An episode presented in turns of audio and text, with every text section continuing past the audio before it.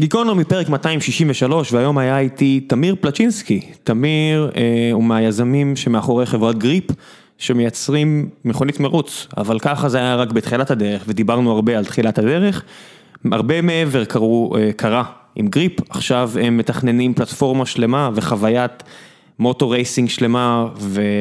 סדרת מרוצים באיטליה ואולי בכל העולם, וחוויה אינטראקטיבית עם הצופים. יש להם חזון מאוד מאוד גדול בכל מה שקשור למוטו רייסינג, אז דיברנו על כל מה שקשור למרוץ, מרוצים ספורטיביים, אם זה פורמולה 1, פורמולה 3, דיברנו על ההבדלים, דיברנו על הקשיים, דיברנו על הדרך שגריפ עשתה ותמיר בעצמו. היה לי ממש ממש תענוג לדבר עם תמיר, מי שאני מכיר כבר לא מעט שנים ועוקב אחרי המסע הארוך שלהם צעד אחר צעד, אז לי באמת כיף לארח יזמים שרק מתקדמים, למרות כל הקשיים, למרות כל התסכולים, ויש לא מעט כאלה, כל, כל מי שמנסה להרים משהו חדש יודע את זה. ולפני שנגיע לפרק עצמו ונשמע את תמיר מדבר על כל הדברים האלה, אני רוצה לספר לכם אה, על עוד פודקאסטים שהם חלק ממשפחת הפודקאסטים של גיקונומי, שגם אה, יש שם את בכל יום נתון של אוריאל דסקל ועמית לבנטל ואושרת עיני ושלל פרשני ספורט נהדרים אחרים שמדברים על ספורט עולמי, ויש גם את אה, ציון שלוש שתכף חוזרת מהפגרה ובה יוני נמרודי ואיציק ששו ואני מדברים על כדורגל ישראלי, השנה בטח ניתן הרבה יותר מקום לבית"ר ירושלים ומכבי חיפה שחוזרות לקדמת הבמה. ועכשיו נדבר קצת על נותני החסות שלנו, שהם קרן אה, ברל כצנלסון וכתב העת תלם. אני אתן לכם קישור שבו תוכלו למצוא את, אה, את הגיליון הראשון של כתב העת הזה, ואני קצת אספר לכם על הקרן לפני שנמשיך. אז קרן אה, ברל כצנלסון היא מוסד חינוכי ומכון חשיבה הפועל להתחדשות השמאל הציוני בישראל. זאת באמצעות תוכניות מנהיגות, פעולות בזירה הציבורית ומרכז חשיבה ומדיניות. הקרן פועלת לחיזוק התשתית הרעיונית והאנושית של המחנה ולקידום הרחב, לאור חזונו של ברל כצנלסון וערכי תנועת העבודה מתוך מחויבות עמוקה לעתידה של מדינת ישראל כמדינת רווחה, יהודית ודמוקרטית שכל אזרחיה שווים. אז מה זה בעצם תלם, אותו כתב עת שתוכלו להגיע ולראות את הגיליון הראשון שלו בחינם אה, באופן דיגיטלי? אה, אז בעצם כתב העת הזה, אה, מיסודה של אה, קרן ברל כצנלסון, מהווה במה כתובה להתחדשות רעיונית של מחנה השמאל. אתה יודע, לא, לאורך ה-250 פרקים האחרונים שמעתם פה לא מעט גם על פוליטיקה ישראלית ועל המצוקה שבה שרוי מחנה השמאל בארץ, ואירחתי פה לא מעט אפילו פוליטיקאים במחנה הזה, ומן הסתם גם לא מעט מהצד השני של המפה הפוליטית, אז כתב העת תלם עושה משהו שאני אישית מאוד אוהב לראות בזירה הציבורית פוליטית, שזה לרדת לעומקם של הרעיונות עצמם.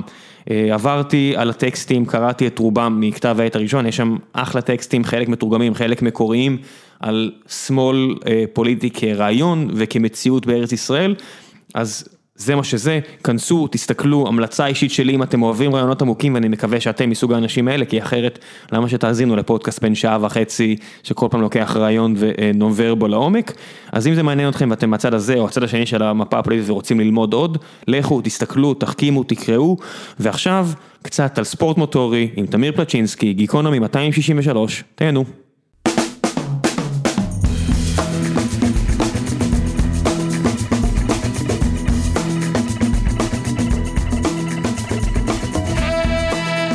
גיקונומי פרק 263 והבוקר נמצא איתי תמיר פלצ'ינסקי. בוקר טוב. מה העניינים? תתקרב, תתקרב למיקרופון. מעולה, מה שלומך? אין תלונות, איך אצלך? מדהים. אבא טרי, תינוק בן שלושה חודשים. כן, אושר. יש בוסטר בפורמולה?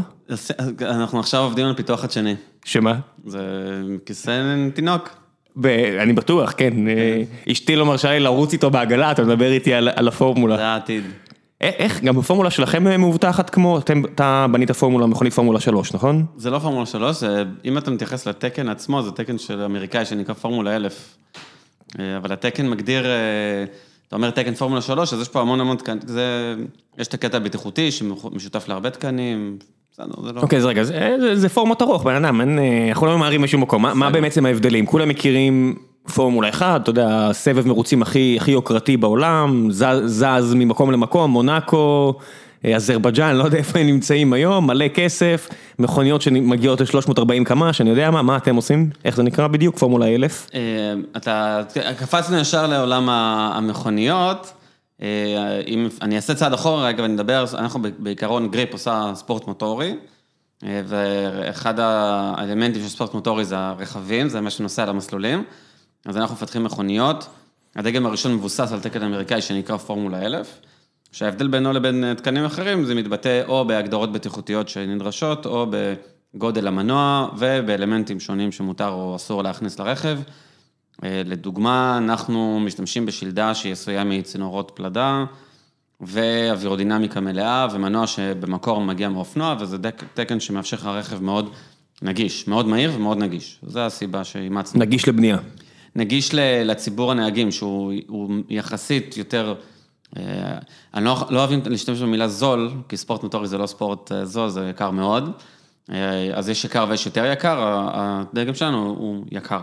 הוא רק יקר, הוא, הוא, לא, הוא לא נורא יקר. תראה, ב, ב, זה בדיחת, כאילו, כל הזמן שאנחנו מדברים על עכשיו יש ילדים וזה, ואתה כולם שואלים, נו, הולך להיות נהג, אז אתה מאוד מקווה ש... שלא. הוא ימצא ספורט יותר, אה, אתה יודע, שילך לשחק כדורגל, כי בסט צמיגים אחד של רכב שלנו, אתה קונה את כל ציוד הטניס, כדורגל, כדורסל. בכל החיים. בדרך כלל משתמשים בטניס בתור אנלוגיה של, אתה יודע, שהורים שיש להם ילד ספורטיבי, אתה אומר רק לא טניס, כי בטניס כל העול נופל על המשפחה. כן. אז אחרי לא. שקצת אה, ראיתי, ולא יודע, בשנים האחרונות, שאתה מסתכל מה משפחות של נהגים עוברות, שהן צריכות כן. למשכן את החיים שלהם כדי שלילד יהיה סיכוי אמיתי, זה מטורף. אז זה בדיוק, מה שאתה נגעת בו עכשיו, זה איזשהו דבר שאנחנו מנסים לשנות בחברה, שבאמת הספורט הזה הפך להיות מאוד מאוד יקר, מאוד מאוד לא נגיש, ואנחנו רוצים בגריפ, להיות איזושהי חברה שאומרת, טוב, בוא ננסה לעשות את השינוי הזה ולהנגיש אותו יותר לציבור, אה, להפוך אותו ליותר זול, זה לא באמת הופך להיות אה, שווה לכל, אה, מחיר שווה לכל נפש ולכל כיס, אבל כן יאפשר לך לפחות לעשות עונה, בספורט מוטורי מדברים בעונות, ואם אתה רואה שאתה טוב, אז גם הפלטפורמה שאנחנו בונים סביב המרוצים היא כזאת שתיתן לך חשיפה מאוד גדולה, גם טלוויזיונית, מדיה, ספונסרים, מאוד מאוד חשוב. ותוכל לקדם אה, קריירה בתחום. לאיזה גילאים זה? ספורט מוטורים מתחילים מגילאי... לא, אני, אני, אני רואה אותם כאילו עושים את הקארטינג או אופנועים מגיל באמת... קארטינג זה 4-5 אפילו, הפשוטים, עד לגיל אה, אזור 14-15, 15, מי שממש משקיע אמור לעבור ל single seaters, כמו שלנו. ו- וזה כבר מכוניות כמו שלכם? זאת אומרת, מכונית כמו שלכם יכול להיכנס נער בין 14-15? זה היה, של, הרכב שאנחנו פיתחנו, הוא אמור להיות הכרטיס כניסה שלו לעולם הזה של רכבי מרוץ, זה אומר שזה הצעד הראשון שלו בתוך, אחרי קארטינג, זה אמור להיות ברכב שלנו. ואיפה הוא יכול להתחרות? זאת אומרת, איזה סבבים יש בעולם שאפשר להתחרות בו עם האוטו שלכם, עם המכונית שלכם? בגדול בכל העולם, אם אתה, הדגם שלנו, אימצנו תקן אמריקאי, אז הוא מאושר הברית, התחרנו הברית, יש בארץ יש מכוניות, במסלול מוטור סיטי בבאר שבע, באיטליה כמובן, אנחנו עכשיו... מסתכלים על עוד אה, שווקים, להקים שם ליגות, אבל בגדול אתה יכול לקנות את הרכב ולהתחרות בכל מדינה. לא, השאלה איפה, לא איפה יש ליגות אה, מספיק רציניות, שאם מישהו באמת רוצה להפוך את זה ל, ל, להיות מקצוע, אני יודע, אני יודע שבאוסטרליה זה ספורט נורא פופולרי, זאת אומרת, איך זה נקרא הסבבים האלה? זה, אין לזה שם, תחשוב שאתה, אני אנסה לעשות הקבלה לכדורגל, יש את ה-Champions League, ה, זה נגיד מקביל לפורמולה 1, ואז יש המון המון המון המון המון ליגות מתחת, עד אה, ליגת למקומות עבודה, ופה בשכונה ו whatever. אז אנחנו בעצם מדברים על איזשהם ליגות לוקל, אה, national כאלה, אה, אפילו ריג'ונל, בכל מיני מדינות, שיש לך מועדונים, יש לך מסלולים שמריצים ליגות. וזה לא חייב שזה יהיה כל יום אותו רכב, וזה לא חייב שום דבר, זה ליגות פתוחות, כולם באים. זה רק עניין של תקן, כולם צריכים לעמוד באותו כן, תקן כלשהו? כן, זה, כל מדינה יש לה את האיגוד ספורט מוטורי שלה, שמאשר עד כמה זה בטוח? זאת אומרת, אני רואה, נגיד, ראיתי את הסדרה הזאת בנטפליקס על פורמולה 1, אתה, פעם היית רואה את ההתרסקויות האלה והיית אומר, אוקיי, מישהו פה גמור, ועכשיו הם, הם מתהפכים, מסתובבים, יצאו מסיבוב ב-200 קמ"ש, התרסקו בקיר, והוא יוצא, הוא עצבני על כך שהמרוץ שלו הלך, אבל נכון. לא, ברוב המוחלט של המקרים כבר לא קורה כלום, לא הנהג או הנהגת. נכון. ואצלכם זה אותו רמה של בטיחות, ביחס למהירות אני מניח? אה, ביחס למהירות, הרמת בטיחות אה, היא... אני לא יודע אם אותו דבר, כי פורמולה 1 אתה נותן את ההשוואה על זה, ובאמת זה איזשהו אה, אנומליה בספורט, זה משהו ששונה לגמרי, יש שם דרישות הרבה יותר מחמירות, והכל הכל הכל קצת שונה, אבל אצלנו אני חושב שהרמת בטיחות היא די מקבילה, הרכב הוא בגדול מאוד מאוד מאוד בטוח, הנהג מאוד אה, מלא בציוד ההגנה, ובסופו של דבר אנחנו צריכים לזכור שזה ספורט מסוכן, לובשים קסדה כשנכנסים, זה, זה הצהרה, אנחנו כל הזמן אומרים ש... הם צריכים לחתום ויתור כזה על אחריות, שחרור מאחריות, ואתה אומר, השחרור מאחריות הכי גדול זה שאתה לובש קסדה. כשאתה נכנס לאוטו, זו איזושהי פעולה מודעת, שאתה אומר, אני מבין שאני נכנס לסיטואציה לא... לא... הראש שלי בסכנה. כן, יש... האבטיח בסכנה. יש מצב מסוכן, ואני מבין את זה, שמתי קסדה ונכנסתי, אז... אה, קרה משהו כבר באוטו שלכם? אה, לשמחתנו לא, היו תאונות. כן, אתה לא יכול בלי... כן, כן, אין, אין, אה, אין אה, פגיעות, פציעות, אנחנו אה, מאוד מאוד אה, רוצים שזה יימשך, כי זה באמת... אה, עד כמה זה מסוכן לאוטו עצמו? זאת אומרת, אני, אחד הדברים שהכי הדהימו אותי, שאתה מסתכל על מרוצים לאורך השנים, המהירות שבה צוות מכני יכול להחזיר את אותו, אותה מכונית בחזרה לפעילות. זאת אומרת, יכול להיות כמה ימים אחרי, יכול להיות אפילו, לא יודע מה, כמה שעות אחרי בסיטואציות הזויות. איך זה אצלכם? זה רכב, רכב מרוץ בכלל, זו מערכת שהיא יחסית, אני לא שוב, לא, בואו נשים פורמולה אחת בצד, אבל זה יחסית רכב שהופשט ממנו כל הציוד אה, הלא לא חשוב, אז אין לך את כל המערכות, ה, אני יודע, מזגן וכל מיני דברים מתוחכמים, אז בסוף זה מנוע ושלדה, ורכב סינגל סיטר, פורמולה כמו שלנו, זה בכלל דוגמה טובה, כי אתה רואה את הכל, הכל, הגלגלים בחוץ, הכל כזה בולט. ואז גם כשיש תאונות אז רואים את כל הנזק, וההחלפה היא באמת, אה, זה מאוד ויזואלי, גם אצלנו אנחנו, אה, אתה תבוא למרוץ אה, באיטליה, שאנחנו מריצים, אתה תראה נהגים מפוצצים את האוטו בתוך קיר, אה, יוצאים אה, מהמקצה, מתבאסים, אבל במקצה הבא, שאחרי 3-4 שעות, הם כבר רוצים חזרה, כי... כי מה, כי זה מודולים כאלה שאתה יכול להחליף את כל החלק באוטו במודול אחר שמחכה לך כבקאפ, או... אה, יש חלקי חילוף, כן, אבל לרוב זה באמת הרגלים בחוץ, המתלים בחוץ, אז הם סופגים את כל, ה, את כל האנרגיה, ואז אתה פשוט מפרק מתלה, מרכיב מתלה חדש. אה, לא היו נזקים הרבה יותר קשים מזה, נגיד גם החלק האחורי של האוטו הוא פריק, הוא עם ארבע ברגים כזה, ארבע ברגים ועוד יהיה לו כבלים וצינורות והידראוליקה שאתה צריך לפרק, אבל בסופו של דבר זה מוציא, מכניס אחד חדש ו... ויוצאים למסלול, אז זה די... אה, אוקיי, איך, הגע, איך הגעת לזה? זאת אומרת, אני קצת מכיר אותך, אז אני קצת מכיר את הסיפור, אבל כל מי ששומע את השמונה דקות הראשונות האלה אומר, אוקיי, הם קפצו ישר למרוצים, אבל בסופו של. דבר, ישראל זה לא מקום של ספורט מוטורי, אתה באת למקום שהתרבות בו של הספורט המוטורי היא, היא במקרה. הטוב, מישהו שרואה בימי ראשון ומבקש שלא יפריעו לו בעבודה בצהריים, אני יודע מה, כן. ואני מכיר מישהו כזה, אפילו קישרתי אותו אליך נראה לי לפני כמה שנים. אה, איך הגעת לזה?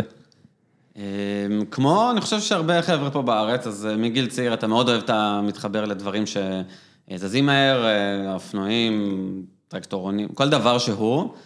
גדלתי במושב, אז היה לנו, לי היה רק אופנוע בגיל 16, אבל עד גיל 16 גם היה שם... רשמית היה לך אופנוע רק בגיל 16, כן? מעשית גם אה, מאוד הקפידו אצלנו, ואני הסתכלתי... אה, מושבניקים, כן, בטוח, כן. כן, ו...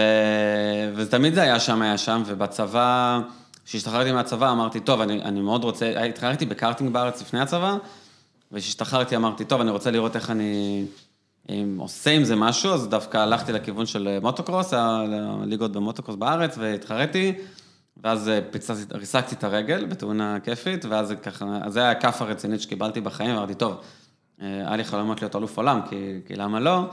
אבל כנראה שלא. אמרתי, טוב, בוא נהיה, בוא ננסה לראות איך עושים את זה מהצד השני, מהצד של ההנדסה, מהצד של הבנייה וה- והתכנון של רכבים. ואז אה, הלכתי ללמוד מצד מכונות בבאר שבע, באוניברסיטת בן גוריון. אה, ואז, אה, אתה יודע, זה דברים קורים, זה משעשע, כי בדיוק כשהייתי בשנה ב' בתואר של הנדסת מכונות, אז התחילה... תואר ראשון. תואר ראשון, אמרתי תואר שני. והתחילה שם קבוצה של סטודנטים שבנו מכונית מרוץ קטנה לאיזושהי תחרות בינלאומית, ואני מאוד התלהבתי, כי זה כאילו, אמרתי, יופי, זו הסיבה שבאתי ללמוד, איזה כיף החיבור הזה. אה, זה היה ההתחלה של פרויקט שנקרא פורמולה סטודנט, או פורמולה SAE, זו תחרות בינלאומית ענקית, אה, כל העולם משתתף בה, כל החברות רכב תומכות בה, זה באמת המקום לגייס ממנו מהנדסים לתעשיית הרכב בעולם. הכל טוב ויפה, חוץ מהעובדה שבארץ אין תעשיית רכב כזו. יש אולי. cyber security לרכבים, יש אולי כל מיני דברים. אני יודע שיש פה לפחות 200 חברות שמת- שמתמודדות על שוק האוטו העולמי, אבל זה לא בקטגוריה של בניית כלי רכב. פחות, נכון? מה זה פחות? זה לא. זה לא. אז אה, זהו, אבל אנחנו מדברים פה בסוף לא על כלי רכב, אלא על, מכוני, על ספורט מוטורי, שזה קצת שונה, זה נישה שונה. אה, זה כן סדרות קטנות, וזה רכב עם המון טכנולוגיה, זה לא באמת ה... הולך להתחרות בטויוטה עכשיו פה עם מפעל רכב, זה לא הנישה שאנחנו מדברים עליה. אה, ודווקא משם, אז אמרנו, טוב, אז זה עשה לי את החיבור המושלם בין מדינה שאין פה כלום, ולעשות את זה מחוץ לאוניברסיטה זה כנראה מאוד קשה, אז בואו ננסה לה- להתחיל את זה דווקא מהסיטואציה הזאת של אה, אני סטודנט, מותר לי בערך הכל, אני יכול ללכת לבקש תמיכה, ובואו נרים את הספורט דווקא משם. אז אותו פרויקט שהתחיל די הפסיק, וכשהגעתי לתואר שני, אז אמרתי, טוב, אני, אני, it's now or never כזה, אני אפילו זוכר את אותו בוקר שקמתי, אמרתי, טוב, זה, אם אני לא מתחיל את זה עכשיו, אז זה לא יקרה, כי צריך שנה ללמוד, ואז עוד שנה לבנות. ובאמת אחרי שנה זה, זה קרה, ובנינו רכב. אני וקבוצה של... זה הפייסט פורוד עצבני עכשיו. מה זה תוך שנה בניתי רכב? דבר ראשון, יש צוות מסביבך, אתה צריך לשכנע אנשים שיבואו איתך לסיפור הזה, צריך לשכנע מנחים, תקציב, אני יודע. אז זה היה, נשים תקציב בצד, לשכנע את כל החבר'ה שהצטרפו זה היה יותר פשוט ממה שאתה חושב. אנשים אוהבים את זה, אנשים אוהבים אתגר, גם אם אתה לא מתחבר ממש למרוצים, אז יש פה אתגר, יש פה איזשהו משהו שאתה לוקח לקצה, יש פה עבודת צוות, יש פה הרבה דברים שאנשים מאוד מתחברים אליהם. ודווקא למצוא את הצוות. במחלקה ליד היה כמה אנשים שאמרו בוא נטוס לירח, וזה קרה, אז אני מתחבר לזה לגמרי, מכיר את החבר'ה ומתחבר לגמרי לעניין הזה, אבל זה משהו הרבה יותר פרקטי, זאת אומרת, אתה צריך למצוא אנשים שיש להם את התשוקה לעניין, לא? אז היה שילוב מעולה בין אנשים שהם הולכים ללמוד לעשות מכונות, כי הם רוצים בסוף לשלב את זה בפרקטיקה, עבודה ממש מעשית, והיה גם כמה שיותר היו בצד הפיתוחי-תיאורטי. וזה שילב את כולם, וזה היה ממש קבוצה טובה. עד כמה זה הרכבת לגו ועד כמה זה לשבור את הראש של בעיות שבאמת צריך לפתור אותן הנדסית? את אותו, את אותו רכב ראשון שבנינו, זה היה ב-2011 באוניברסיטה, זה היה ממש לתכן מדף חלק, זה understatement, ואז אתה באמת לומד הכל as you go, ובעיות שאתה, שאתה אתה רואה אנשים עושים משהו ואתה אומר, טוב, אני לא יודע למה הם עשו את זה, אז אתה לא עושה את זה, אתה עושה משהו אחר. מה למשל, תן דוגמה. אני כבר לא זוכר. אני רק זוכר שכשסיימנו אמרנו, הבנו למה הם עשו את זה, כי הגענו בערך לאותו פתרון. זה כמו באיקאה, נשאר לי איזה מוט כזה, ואני אומר, עכשיו הבנתי למה אני צריך אותו. כן, אתה לומד, וזה באמת היה להתחיל משהו מאפס מוחלט. אני זוכר גם שהגענו לתחרות, אנשים לא האמינו, כשאמרנו להם ספורט מוטורי לא חוקי בארץ, ב-2011 זה לא היה חוקי עדיין. ושבנינו רכב ושהגענו לתחרות, זה היה מאוד, מאוד כיף. ובזכות התחרות הזאת שהיינו באיטליה, אז קיבלתי התמחות, זכיתי. רגע, רגע, רגע, רגע, אתה רץ, שנייה, נגיע לאיטליה, נגיע לתחרות, יש לנו זמן, חכה, חכה, שתי כוס מים. מעניין אותי כאילו רק על, אפילו על התהליך של הבנייה, שאמרת טבולה ראסה, דף חלק, איך מתחילים? בוחרים מנוע? מתחילים מהתקן. התקן הוא איזשהו גיידליין לכל מי שבונה מכונית. אז כדי, נגיד, לתחרות הזאת של הסטודנטים, יש תקן, שמגדיר, אם אתה בונה שלדה, אתה בונה שלדה, אבל כשאתה בונה את השלדה, במה אתה צריך להתחשב, מה האלמנטים שחייבים להיות, גיאומטריות מסוימות, שלדה אורך מקסימלי, רוחב, דברים כאלה, אז זה די מכניס אותך לאיזושהי מסגרת. ומחלקים בצוות כל אחד אחראי על משהו אחר? נכון. היו, אם אני זוכר נכון, משהו כמו עשרה, 11 צוותים. אז היה צוות מתלים, וצוות שלדה, וצוות הנאה, וצוות הנהג. וכל אחד עובד בנפרד?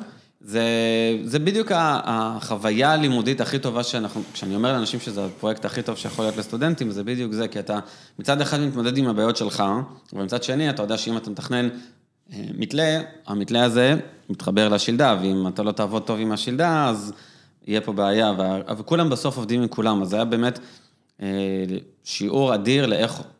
כל, עובדים בצוות, מייצרים אה, הרבה אנשים, לאף אחד מאיתנו לא היה את הניסיון הזה של איך לנהל פרויקט מה, מהסוג הזה, אבל מהמון המון אה, תשוקה ומוטיבציה ורצון, היה איזשהו... אה, כמה חופש יש לך? אני, אני באותה שנה נראה לי, או שנה לפני כן, נראה לי מממש תקן של NFC או בלוטוס, לא יודע, אתה מקבל ספר של אלפיים עמודים, אתה ועוד, לא אלף אנשים, ואתה מממש את זה ככה, זה אמור לעבוד ככה, איך תממש את זה, זה כבר עליך, אבל התוצאה הסופית אמורה להיות כזו. כמה חופש יש בבניית אוטו? המון. המון, אין... אה, כמות דרגות חופש ברכב היא בגדול אינסופית בכל אלמנט. זה גם יופי בהנדסה, בסוף הנדסה זה לא... אה, זה לא מתמטיקה, זה לא שאחד ועוד אחד. יש שם מתמטיקה, אבל זה לא זה. לא זה. מתמטיקה, פיזיקה, זה כל הכלים שאתה משתמש בהם, אבל בסופו של דבר, כשאתה רוצה לפתור בעיה, במקרה שלנו הבעיה היא אה, רכב שייסע מהר, שיהיה עם התנהגות דינמית כזאת וכזאת.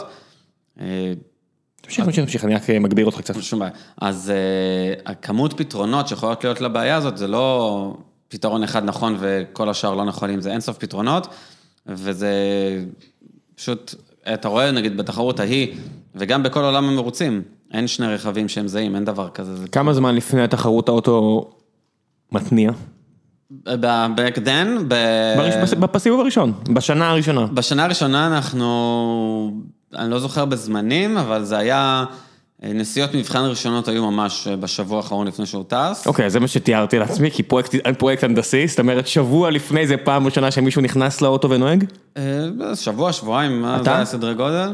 אני ועוד ועוד שלושה לא, מי-. מי הראשון שמסובב את ה... זה כפתור? זה לסובב מפתח? מה... זה לוחצים על, כן, לוחצים על כזה סטארטר, כפתור. כשהרגע, כשהרגע, שאתה חייב ללחוץ על, הברקס, לא, אין, אין בניוטרל. חוקים, אין איזה הגבלות כאלה ואחרות, אני יודע. לא, לא, לא. אוקיי. שם זה מאוד straightforward, ו... אז מי הראשון? מי הראשון? אני זוכר שזה לא היה אני. רצית שזה יהיה אתה? אה, זה לא היה הדבר הכי חשוב לי באותו רגע. לא יודע, אני יודע, זה מעמד ממש מרגש, אני יודע. כן, אבל אתה רוצה לראות שזה קורה. אתה פחות... אה, מלחיץ? אה, היה פה, היה תקופה מאוד, מאוד לחוצה, זה הלחיץ עד אותו רגע שסיימנו את התחרות. התחרות שהיינו באיטליה, זה היה ארבעה ימים, שהמקצה האחרון זה מקצה סיבולת, זה האוטו נוסע 20 דקות. סיבולת, כן? אבל, תתפלא, זה באזור ה-40-50 אחוז מהרכבים לא מסיימים את זה. ברור, מה כאן, זה, זה, זה- גו- זה גומי שיכול להישרף, זה אלף ואחד דברים שיכולים לקרות. הגומי פחות יכול להישרף, אבל זה פשוט רכב שסטודנטים בנו, ו... 20 דקות במהירות גבוהה, אני מניח. 20 דקות נהג אחד, ואז עוד- אה, 10 דקות נהג אחד, בערך 10 דקות, ואז עוד 10 דקות נהג שני. כשאתה מנסה ממש, אתה מתחרה או שאתה רק מנסה להחזיק מעמד? אתה רץ נגד הזמן, אתה יכול לנסוע לאט, אבל אז הציון שלך... ואז אתה מפסיד. ו- וסיימנו, אז ברגע שהרכב חצה את הקו הסיום, אני, אני הייתי הנהג הראשון באותו מקצה, וברגע שהרכב חצה את קו הסיום, גיל, מי שהקים איתי עכשיו את גריפ, הוא נהג את המקצה השני, אז כשהוא חצה את קו הסיום, אז זה היה ה- השחרור הזה שאמרת, היה שמפניות? לחץ, אז אמרנו זהו, הצלחנו. שמפניה גדולה וכובע? אה, היו הייתה שם שמפניה, לא, היו בקבוקי מים. לא היה שמפניה. פרויקט הנדסי אה, סטודנטיאלי עדיין. כן. איך צוותים אחרים היו? באותה תחרות היינו הישראלים היחידים. זה בסדר. זה היה הישראלים הראשונים גם, שזה אדיר, סיימנו מקום 15 מתוך 57 צוותים, שזה אדיר, ו- וזה באמת התחיל תהליך, אנחנו... מי, מי האוניברסיטאות? אה, כל העולם. לא, אני אומר, מי, מי האוניברסיטאות ש, ש, שזה ה-obvious שיסיימו ראשונות? מה זה איטליה וארצות הברית? אה, גרמניות, כל אוניברסיטה מגרמניה היא כבר אה, בטופ 10 כ- בערך, הם מאוד משקיעים כי מרצדס מלווה אותם? כל החברות רכב, כולם. רגע, המנוע של כולם, בתחרות הזאת, זה במקור היו מנועי אופנועים, כי זה הגביל אותך לאזור ה-600 סמ"ק. מאז הם פתחו קטגוריה חשמלית, אז רוב המכוניות הן, לא רוב, טוב, אבל הרוב. הגיוני שזה... והשלב הבא זה כבר מכוניות אה, אוטונומיות. אז רגע, רגע, רגע, בוא, בוא, one, one by one, ה-600 סמ"ק, אה, האם באמת. הסדרה הזאת בנטפליקס יצא לי את הראש, והחשיבות של מנוע לכל הסיפור הזה, הרי מנוע זה הדבר שיש לך הכי פחות נגיעה בו, נכון? אתה מקבל אותו, בגדול כן. זאת אומרת, אתה מקבל אותו מהקופסה ותתמודד, אין מה לעשות, אין לך הרבה מה לעשות עם זה. זה לא שאם תתקשר ליאמה או לא יודע מה, מה, מה היה שלכם, אה, באותה תקופה השתמשנו בימה. אה, זה לא שאתה יכול להרים אליהם טלפון ולהגיד, אה, זה לא מסתדר לי עם השאסי. לא, אז זה חלק מה- מה- מהיכולת שלך כמהנדס, בסוף לתפור את החבילה הכי נכונה עבור המוצר מדף הזה שקיבלת, אנחנו... וחלק מהעשירייה הראשונה שם, אני מניח שיש להם כאלה של אה, BMW או מרצדס שעזרו להם בטח יותר. זה, כן, יש להם תמיכה יותר רצינית. לא, זה, זה היה באמת אה, להרגיש שאתה אה, מגיע לעול... זר בעולם אדיר, עצום, שפעם ראשונה שנחשפנו לדבר כזה. ואני אני חושב שדווקא הוכחנו שאנחנו יכולים. לא, זה בטוח, אבל אני מסתכל כאילו, כל החבר'ה מסביבך שם, הרי מחכות להם קריירות, ואתה יודע, אני, לא, אני מניח שאני לא מגזים כשאני אומר פרארי ומרצדס. לחלק, מה- לטובים שבהם כולם לפחות. עוברים בסוף לכל האאודי, מרצדס, וזה, פורש. וזה לא מתסכל אותך בטירוף? אה, לא, אני חושב שסך הכל אנחנו... מי, ש, מי שבאמת, זה מה שהוא רוצה לעשות בחיים, שילך לעשות את זה, אבל אה, הלכנו לשם כי אנחנו רצינו ואמרנו, זה, האהבה שלנו. אני דווקא קיבלתי התמחות חצי, נשארתי חצי שנה באיטליה, לעבוד ביצרן רכב אה, אולי הכי טוב בעולם, אז אה, את החלום שלי לעבוד שם בתעשייה הגשמתי. איך זה? אה, לא זוהר כמו שזה נראה מפה, זה בטוח לא זוהר, מה הכוונה? זה, זה, זה הנדסה. לא. כן, זה המון המון המון. עכשיו, שם, כשאתה בונה רכב בתור סטודנט, אה, רכב ראשון, אז אתה לא יורד, כאילו, הירידה לפרטים היא מאוד אה, מסוימת. כאילו, אתה סוגר עם הברגים, מתכנן כשזה יעשה את העבודה, ו... ונוסע, ושם אתה רואה מה זה ירידה לפרטים, מה זה. עד לוויברציה של חלק במהירות מסוימת, כשהוא ככה, כדי שלא יעשה משהו אחר. אז זה באמת, באמת, באמת הרבה יותר... testing ברמה שאין כמותה בשום כנראה פרויקט הנדסי אחר מלבד להטיס משהו לירח. המון, המון, המון פיתוח, המון טסטים. אנחנו דווקא... מאוד חיכיתי לצד הזה של גם לעשות מבחני מסלול, וגם היה לי איזשהו פנטזיה, או שלא יודע למה הייתי כזה תמים, שחשבתי שייתנו לי לנסוע גם באיזה מכונית שמייצרים בחברה. אז אמרתי, נו, מתי נוסעים, מתי הולכים לנסוע? אמרו, לא, לא נוסעים פה במכוניות האלה. אז לא הבנתי איך אפשר לתכנן משהו אם אתה לא... אתה לא מאחורי אתה הגה. לא מנסה גם פעם אחת להרגיש איך זה מרגיש. אז אה, כשהקמנו את גריפ, אז אמרנו שהעובדים של גריפ כן ייסעו ברכבים, לפחות ייסעו פעם אחת כדי להרגיש. גם הפלגמטים שבהם, או שאין דבר כזה בגריפ? כולם, כולם מגיע... כולם מגיעים מרקע של אה, רצו להיות מאחורי אה, כידון או הגה? אה, כן, פחות או יותר, אה, מי שמגיע זה לא מחייב שהוא יהיה נהג מאוד מהיר, אבל כן, יש לה איזשהו סוג של יכולת, אה, של כישרון אה, נהיגה. מוטורדס. כן, כן. זאת אומרת, אין לכם אף אחד שעבר טסט 6. אה, לא בדקתי את זה, אני אבדוק את זה. צריך לעשות כזה בדיקה בחברה. כן. לא, הם, אה, בסדר, החבר'ה, הרמה היא- סבבה, אני מאוד מבסוט. אוקיי, אז אתה חוזר ארצה אחרי חצי שנה התמחות באיטליה, עובר לך בראש להישאר שם, או שאתה אפילו לא...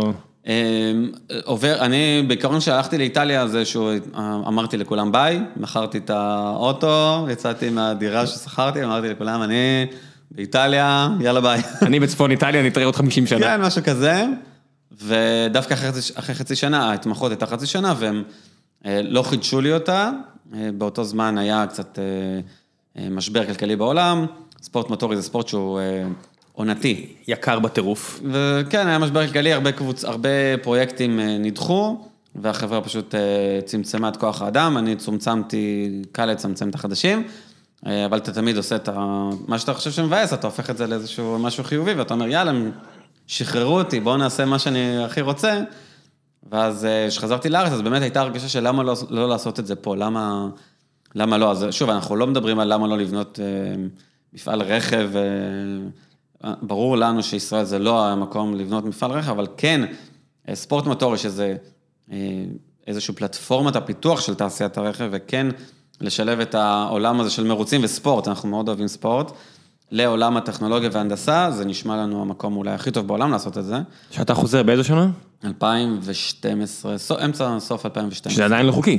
עדיין לא חוקי. זאת אומרת, אני זוכר בתקופה ההיא שהייתי מוקף וכל מיני חבר'ה שהיו בסופי שבוע מתאספים ומתחרים, והם יודעים שכל רגע עלולים, עלולים אה, ליפול עליהם כן. בצורה כזו או אחרת. אנחנו מתחרעים יותר, כמו... ממש מתחרים, כן. כן, אז זה, זה מה שהיה, אנחנו, אני גם השתתפתי במרוצים כאלה, זה, זה מה שיש בארץ. היה.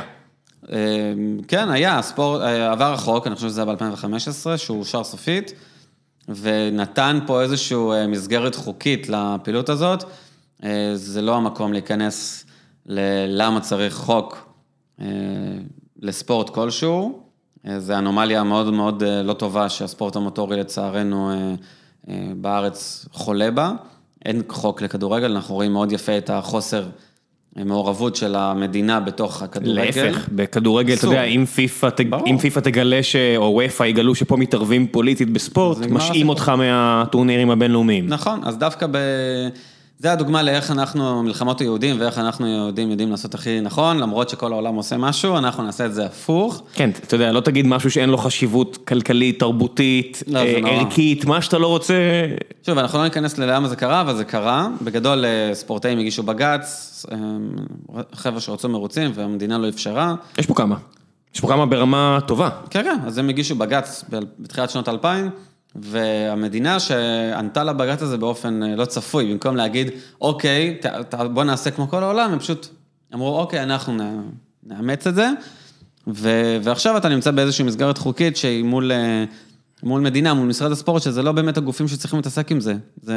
הספורט צריך לחיות לבד מול החוקים הקיימים בעולם, אז זה קצת, אה, קצת מקשה, אבל עדיין, אם לא היה כלום לפני כמה שנים, ועכשיו יש לפחות משהו, אז לא נגיד, לא נבכה. חכה, יש בחירות עכשיו כל ארבעה, חמישה חודשים, בטוח יש פה איזה שר- שר ספורט שיכול להיכנס לכמה שבועות ו...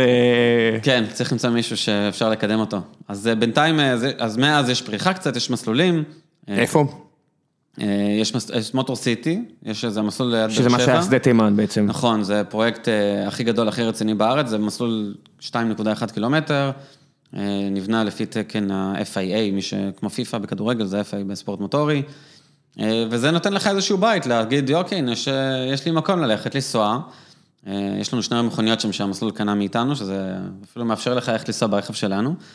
אה, אז, אז זה סוג של הגשמת חלום. כשכל אחד במסלול. יכול אה, להגיע, לסחור אה, כן, אוטו כן. לפי שעה ו- ודלק ולנסוע? זה, אתה צריך קודם כל לעשות קורס, כי זה כן, לא... ברור ש- אז הם, הם לא...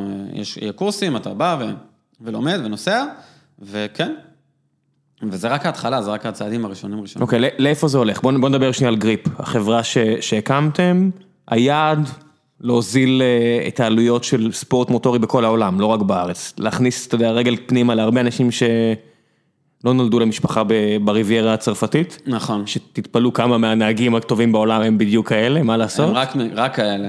כמעט רק כאלה, זאת אומרת... אם אה, אין לך מלא כסף, אתה אפילו לא תגיע שמישהו יסתכל עליך. לא, זה, זה נהיה כל כך קיצוני שהיום חלק מה-20 נהגים הכי טובים, לפחות אחד מהם נוהג רק בגלל שאבא שלו הוא הספונסר של הקבוצה. הוא, הוא לא ספונסר של הקבוצה, הוא, הבעלים הוא, שלו, הוא קנה, את אבל הקבוצה. לפני כן הוא היה ספונסר. כן, של 30 מיליון דולר בשנה. כן. כן, זה המצב. is- בשום ספורט אחר, בוא נגיד, זה לא היה יורד בגרון הדבר הזה. זה המצב, זה מאוד מבאס, אנחנו, זה בדיוק היה, כשישבנו ואמרנו, טוב, מה עושים, אנחנו רוצים לבנות מכוניות, אבל אי אפשר, אה, צריך לעשות משהו שיהיה לו איזושהי, גם הצדקה כלכלית, גם איזשהו בסיס עסקי. אז למה לא אופנוע בעצם? אופנוע לא היה איכשהו טיפה פחות נורא מורכב אה, לבנות? זאת אומרת, אה, להנגיש, לבנות, אני לא יודע.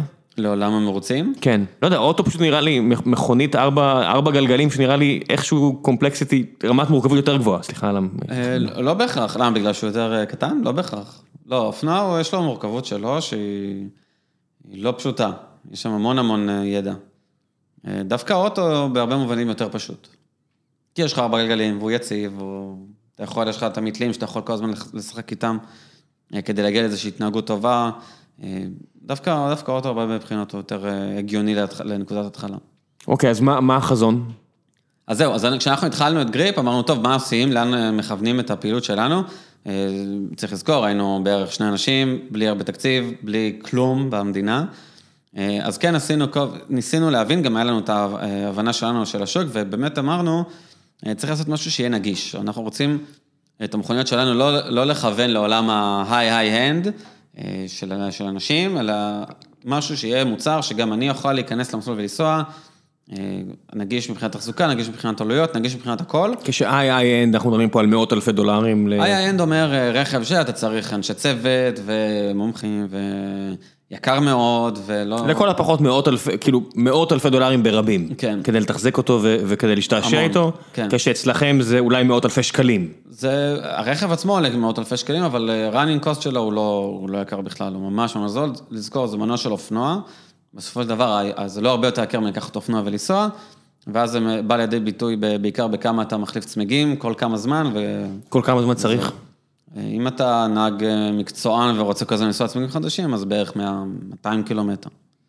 זאת אומרת כל מרוץ כמעט, זאת אומרת אם אתה לוקח את המסלול, המסלול הזה בזה תימן של השני קילומטרים ועשית ב- בסוף שבוע 100 הקפות, אז הצמיגים. מספיק שחוקים כדי שתרגיש שזה כבר כן, אחיזה בכביש שלך. אבל לרוב הנהגים, גם צמיגים שחוקים זה בסדר. זה לא, זה לא ההבדל, אם אתה הולך for fun. אז זה, זה היה הגישה שלנו, בהתחלה לבנות אה, רכב שהוא affordable, אה, גריפ, כל הזמן דיברנו, אנחנו מדברים על enabling, enabler, גריפ זה מותג שהוא, בואו בוא ננגיש את זה, ומצאנו תקן אמריקאי, מה שאמרתי, שגם משלב מנוע של אופנוע, שהיה לנו מאוד קל להתחיל משם, גם מהניסיון שלנו באוניברסיטה, עם אותו, עם, לא אותו מנוע, אבל גם עולם הזה. אז אה, אימצנו אותו, בנינו רכב ראשון, זה היה 2015, אה, באותם, בזכות אותם קשרים שהיה לנו באיטליה עם הבעלים של החברה שעבדתי בה, שאנחנו עדיין באיזשהו אה, אה, קשר. שלום שלום. לא, יותר מזה אפילו. שלום שלום, מה העניינים? מה המצב? אנחנו בבית. אז, אז זה, אז הלכנו לעשות טסטים לאוטו הזה, לאותו אב טיפוס שבאים פה בארץ, ומשם זה התגלגל. איך כי- מטיסים, איך, אתה יודע, אני- מעניין אותי כל הדברים הקטנים האלה, כאילו איך, איך מעבירים אוטו מרוץ לאיטליה? אז יש לך שתי אופציות אה, עיקריות בעיקר, זה או אתה מטיס אותו, או שאתה משית אותו. מה זה אומר מטיס אותו? מטיס אותו זה נשמע לי כאילו לקחת את כל המקום לא, בקרגו של ה... לא, זה מטיסים דברים הרבה יותר גדולים, בוא נגיד ככה. אני בטוח, אבל בדרך כלל חברות. מסחריות, אני יודע. כן, לא, הכל אה, מאוד פשוט היום העולם, אתה מתקשר לחברת שילוח, אתה סוגר אותו בתוך קייס מעץ, עץ כזה שעבר אה, חיטוי, שעבר חיטוי שאתה לא תעביר אה, מזיקים לאירופה, וטס לאיטליה ופוגש אותו שם. ושם מחכה לו איזושהי, איזושהי עגלה פשוט לוקחת אותו ואתה אתה עולה על הוא חיכה מטוס. לנו במסלול, הוא הניחו את הארגז עץ במסלול, וכשאנחנו נחתנו, הוא היה שם. תשמע, זה די מדהים, לא? אתה לא תופס את עצמך אומר, הבירוקרטיה שבה העולם כבר מתנהל היא די מדהימה, היא אנייבלרית לכל מיני אנשים כמוך. אה, כן, זה מטורף. לקפוץ על מטוס ולהגיע לצפון איטליה ומחכה לך האוטו שלך שם. נכון. זה די מטורף. כן. מה אתה עוד צריך להעביר איתך? יש לך, לא יודע מה, ציוד מכונאות שאתה סוחר שמה? אה, אז העברנו בארגז עם האוטו, דחפנו שם כל מה שאכלנו כדי שכאילו יעזור לנו לתחזק. ריתחנו איזה שולחן קטן, שממש מדדנו לפי המקום שהיה בארגז עץ בין האוטו לזה, היה ממש קטן. ורתכת קטנה ומה שאכלנו, ויאללה, לאיטליה. כדי לתקן אם משהו קורה לשלדה או כל מיני משהו, או כל מיני דברים כאלה? כן, היינו, המונח תמימים היה, הוא יחזור, היינו מאוד תמימים. אין דרך אחרת. כן. אין דרך אחרת, זה בדיוק שמעתי איזה ראיון עם, אה, עם אחד החבר'ה שעשו את השירותי ענן של גוגל. וכשדיבר איתו, שאל אותו, איך יצאת לדרך שיש את AWS, את אמזון ברקע, אומר, הייתי נורא תמים. אם לא הייתי תמים, זה לא היה קורה. לא, אם הייתי יודע כמה קשה זה וכמה צרות יהיו לי, לא הייתי עושה את זה. אז אה, אני יכול להבין את המשפט הזה. אז אה, כן, היינו מאוד תמימים, שמנו מה שחשבנו, טסנו לאיטליה, נחתנו במסלול, התחלנו לנסוע. אה, מהר מאוד גילינו שלא הבאנו מספיק רגע חילוף ו/או כלים לתקן את הדברים, ואז? כי האוטו התפרק כל הזמן. ואז? ואז אתה מתחיל לתקן, ואז אתה, זה, זה היה נורא מצחיק התהליך, כי אתה בהתחלה, האוטו נוסע כמה הקפות ונעצר, ואז הטרקטור, יש טרקטורים מצחיקים כאלה שגוררים את המכוניות, ה-walk of shame הזה שגורר את האוטו, שם לך אותו ליד הפיד שלך, ואז אתה רואה מה נשבר, ואנשים מהסביבה, איטלקים שבאו וראו והסתכלו ואמרו, סבבה, נתנו לך כזה צ'פחה על הגב, אמרו לך, it's racing, כאילו, נשבר. נשבר. קורה, יאללה, תקן ותחזור. אז אתה מתקן ואתה חוזר, כמה קפות נשבר, או walk of shame, וזה מגיע, ואומרים לך, טוב, it's racing, נשבר, קורה. בפעם הרביעית או חמישית כבר מסתכלים עליך כאילו, אוקיי, מאיפה באת, כאילו, וגם אתה מסתכל על עצמך ככה בקטע של, היה לנו באמת תמימות, אני לא רוצה להגיד אה, איזשהו, אה, אתה יודע, לא חשבנו שאנחנו באמת אה, הכי גאונים בעולם בתחום הזה, ונעשה משהו שאף אחד בעולם לא ראה. אבל כן חשבנו שאנחנו תכננו וידענו מה אנחנו עושים, וזה באמת נשבר ונשבר ונשבר. עשיתם פשוט טעויות שחבר'ה יותר מנוסים לא היו עושים? אז תראה, ניסיון זה הדבר הכי חשוב שיש, נקודה, וכשאנחנו... בטח בנינו- במכניקה, אני יודע. אה? בטח בדברים מכניים ש... לא, כן, ו- ולא היה לנו, לא אין לנו אין להסתיר טעויות. לא ידענו כלום. תבין, אנחנו בנינו מכונית שאמורה להיות במסלול, שאמורה להגיע ל-200-230 קמ"ש. אה, הכוחות, מי הבין בכלל מה, מה קורה שם? ואנחנו, שוב, אנחנו כל כך היינו תמימים, שאמרנו, כן, תכננו, חשבנו, והרוב עבד, כאילו, בסדר, הרכב כחבילה הוא עבד.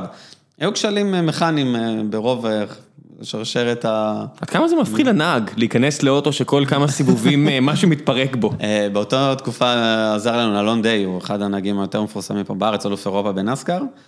תשאל אותו. היה מאוד מפחיד, היה פעם אחת שהתפוצץ המנוע והוא הודה שזה היה די מפחיד, הרעש. פשוט קפץ לנו איזה... כשהוא נוהג. כשהוא נוהג כן. ומקדימה הוא רואה, זה לא איזה משהו כאילו, זה לא לא זרזיף עשן. המנוע מאחורה. כן, זה לא זרזיף עשן שהוא רואה, זה היה בום, מאוד רציני. אז זה היה קצת מפחיד. ומנוע אתה לא יכול לתקן. אתה לא, ואז אתה באיטליה עם מנוע מפוצץ, ואתה אומר, אוקיי, מה אני עושה? כי אין לי זמן, אין לך יותר מדי זמן, זה, היינו באוגוסט, היה לנו עד אוקטובר, גם גשם וחורף. אז אה, לא, זה היה באמת, אנחנו כל הזמן גם אומרים את זה, שאם היינו מחויבים ל- לפרויקט הזה, לתהליך הזה, באחוז, גרם אחד פחות מ-100 אחוז, אז היינו מתקפלים והולכים הביתה. אבל לא, הייתם מחויבים 100%, אז מה עושים? לא, ויתרנו. אז אתה הולך ומוצא, במדינה שאתה לא כל כך מכיר, אתה כן מוצא מישהו שיש לו מנוע שאתה צריך... אתה פותח יד שתיים של אופנועים, סוג של, ואתה נוסע לאן שאתה צריך, ואתה הולך ושואל את זה, והוא שואל שמע, רק זה, זה נשמע לי הרפתקה מגניבה, אתה נכנס לאוטו, עכשיו הולך לקנות אופנוע משומש, לא יודע מה, ימה 600, לא, כזה או. אחר. מה? דפוק, אנחנו עם אוטו סחור, פיאט פנדה עם מנוע של סוזוקי בב- בבגאז', נוסעים חזרה לוראנו, שבורים מעייפות, כי אתה לא ישן כבר איזה ארבעה ימים. וכל הסיטואציה הזאת, אני זוכר, אתה- אתה רק חושב על זה, כמה זה הזוי. חכה, איך חכה, חכה, בוא? נדבר על זה שנייה, אתה מגיע לבן אדם הביתה שמוכר, לא, זה יש איזשהו פירוקייה כזאת של אופנועים באיטליה. אוקיי, זה לא שהגעת לאיזה מישהו עם אופנוע מחובר ואתה אומר, לא, לא, זה- זה אל מקום." תראה לי את המראה, זה בסדר, לא מעניין אני מילא הולך שנייה לפרק אותו. זה, זה מקום שיש לו, היה לו, החזיק, כאילו במקרה היה לו כזה, זה לא שבכל הזמן יש לו מהכל. במקרה, כן, איטלקים, אתה יודע. כן, או איזה אתה צריך? מחר תבוא, יהיה לך. כן, הבדואים של אירופה, בלי להעליב בדואים או בלי להעליב איטלקים, כן. כנראה שהעלבתי את שניהם, אני מצטער, אבל אה, כל הסיטואציה נראית לי פשוט מגניבה לאללה, כ- כהרפתקה. הרפתקה. אבל באותו רגע אני בטוח שאתה רק אה, גמור מעייפות ופסימי ולא יודע מה. אתה גמור ואתה מתוסכל, ואתה... זה לא... זה כיף. וחוש- וחושב על דולרים שהולכים אחורה. דולרים, זמן, וכולל אה, מה אני עושה עם החיים שלי, למה אני עושה את זה. ומה התשובה? אתה רואה, אתה רואה בזמן הזה משהו מחזיק אותך קדימה? אמ, יש פה איזשהו שילוב של בסוף, בסוף, בסוף, אנחנו כן אוהבים את זה, וכן, זה, זה, אני לא יודע, שאלתי משהו אחר שהיית רוצה לעשות, אני לא יודע להגיד לך את התשובה, כאילו, יש הרבה תשובות. להתחרות, אני יודע. לא, אה, אתה יודע, לה- אה, לבנות, אה, להמציא את ה- אה, תחנת כוח, הדור הבא של ייצור אנרגיה, לפתור את במחלת הסרטן, למצוא... עזוב נו, אנשים אחרים עשו את זה, נו. כל הדברים האלה גם אה, הייתי שמח אם הייתי יכול, אבל כרגע אנחנו ממוקדים בזה, ואנחנו מאוד אוהבים את זה. וזה לא, לא באנו, הוויתור הזה, לוותר כנראה, זה היה מאוד חזק אתה מרגיש שיש. אה, פג תוקף על כל העיסוק הזה במנועי בנזין? אה, לגמרי. זאת אומרת, אנשים בתעשייה, או אפילו אם אתה מחוץ לתעשייה בלב אירופה, או לא יודע מה, או יפן או הברית, אתה מרגיש שזה, רואים את השעון החול, אה, תראה, אם אם אתה מסתכל קדימה, אז לחלוטין, אין פה שאלה בכלל. אה, אני מקווה שהאנושות תגיע לשם, אבל אה, כן, זה מבאס אותך? אישית לא. זאת אומרת, אני רואה נגיד את Top Gear לאורך השנים, והחבר'ה שם, עם כל פעם שהם צריכים להיכנס לאיזה אוטו חשמלי, אתה רואה שהם הם, הם דינוזאורים, הם לא כן, מוכנים, אבל אה, זה state of mind ש... של בריטים חוצפנים תכלס. לא, הרבה אנשים יגידו לך, תראה, יש קסם שתמיד יהיה להון מנוע שעושה את הרעש הזה ומייצר את הריח הזה. בסדר, מייצרים את הרעש וה... וויברציה, כן. וזה, וזה תמיד, אני מאמין שגם זה יישאר, זה לא ייעלם, זה לא שהיא... זה לא שב-300 קמ"ש BMW Q1, אני יודע, כל המכוניות החשמליות האלה, הם לא, אני מניח שהם, ואתה יודע, הדברים שם בוויברציה כזו או אחרת, זה עדיין מהירות נורא גבוהה. אז זהו, אז, אז, אה, אז רק אני אגיד, מסלולי מרוצים לדעתי יאכלסו תמיד את האלה שיהיה להם את המכוניות בבית עם בנזין, זה תמיד יהיה, זה לא ייעלם כל כך מהר, אבל העולם הולך לחשמלי, אה, ואם אתה רייסר בדם, אז אתה לא תגיד כל כך מהר לא לדבר כזה, כי בסוף חשמלי יכול לתת לך ביצועים הרבה יותר טובים. אז אה, זה פותח... איך זה יכול להיות? אה, בעיקר בגלל תכונות המנוע, המנוע נותן לך הספק, מנוע חשמלי נותן לך אה, מומנט מקסימלי מסל"ד אפס. בעצם במנוע בנזין, כשאתה עומד במקום, אתה מכיר את זה, אתה צריך לעלות את הסל"ד, ואז לשחרר את הקלאץ' אם כן, להחליף הילוכים. רק כשאתה, כן, בזמן אז אופטימלי. בהתחלה, עד שהמנוע מתחיל למשוך, אז אין, לו, אין לך מומנט גבוה להאיץ אותך. אתה צריך לבנות את המומנט הזה לסל"ד הנכון למנוע. שזה כל האומנות של החלפת הילוכים אידיאלית. בגדול, כן. בלנהגי מרוצים לכל הפחות, אני כן, יודע. אז אה, מנוע חשמלי, מהרגע, הוא לא זז, אתה לוחץ, ה, אני לא יודע אם לוחץ גז, אתה לוחץ על הזרם, או על המתח, או על מה שאתה לא מייצר שם, בדוושה, והוא במומנט מקסימלי מהרגע אותו רגע, אז התאוצה שלך היא הרבה יותר, הרבה אז, יותר אז טובה. מה יהיה, אתה יודע, שיום אחד יהיה פה מרוצים, פה כאילו איפשהו, שיהיה מרוצים אה, עם מכונות חשמליות, אז האתג, האתגר הטכני יהיה נמוך יותר, זאת אומרת החלק של הצוות המכונאים יהיה הרבה יותר, עוד יותר גדול לטובתם לעומת הנהג? אה, זו שאלה טובה, האמת. לא, לא ברור, כי גם חשמלי נותן לך המון המון בקרות, גם היום יש בקרות אה, במנועי בנזין, בקרת אחיזה, בקרת החלקה, המון בקרות. בחשמלי זה הופך להיות הרבה הרבה יותר, אה, האופציות הן אינסופיות ברמה עקרונית. אז כן, זו שאלה טובה, בעצם מה יהיה, מה הנהג יעשה שם.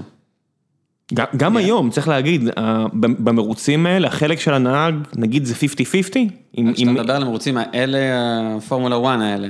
לא יודע, גם פורמולה 3, לא יודע מה, כל דבר ש... לא, פורמולה 1, שוב, זה אנומליה. פורמולה 1, זה נכון שאני יכול להגיד לך שהמרוץ הבא, מרצדס ילקחו 1-2 והמילטון יהיה ראשון. ש-1, 2, 3, 4 זה פרארי ומרצדס, ואולי רדבול תיכנס איכשהו פנימה. משהו כזה, זה... כי הפער בין המכוניות פשוט גדול מדי. נכון. אז, אז זה לגמרי רכב.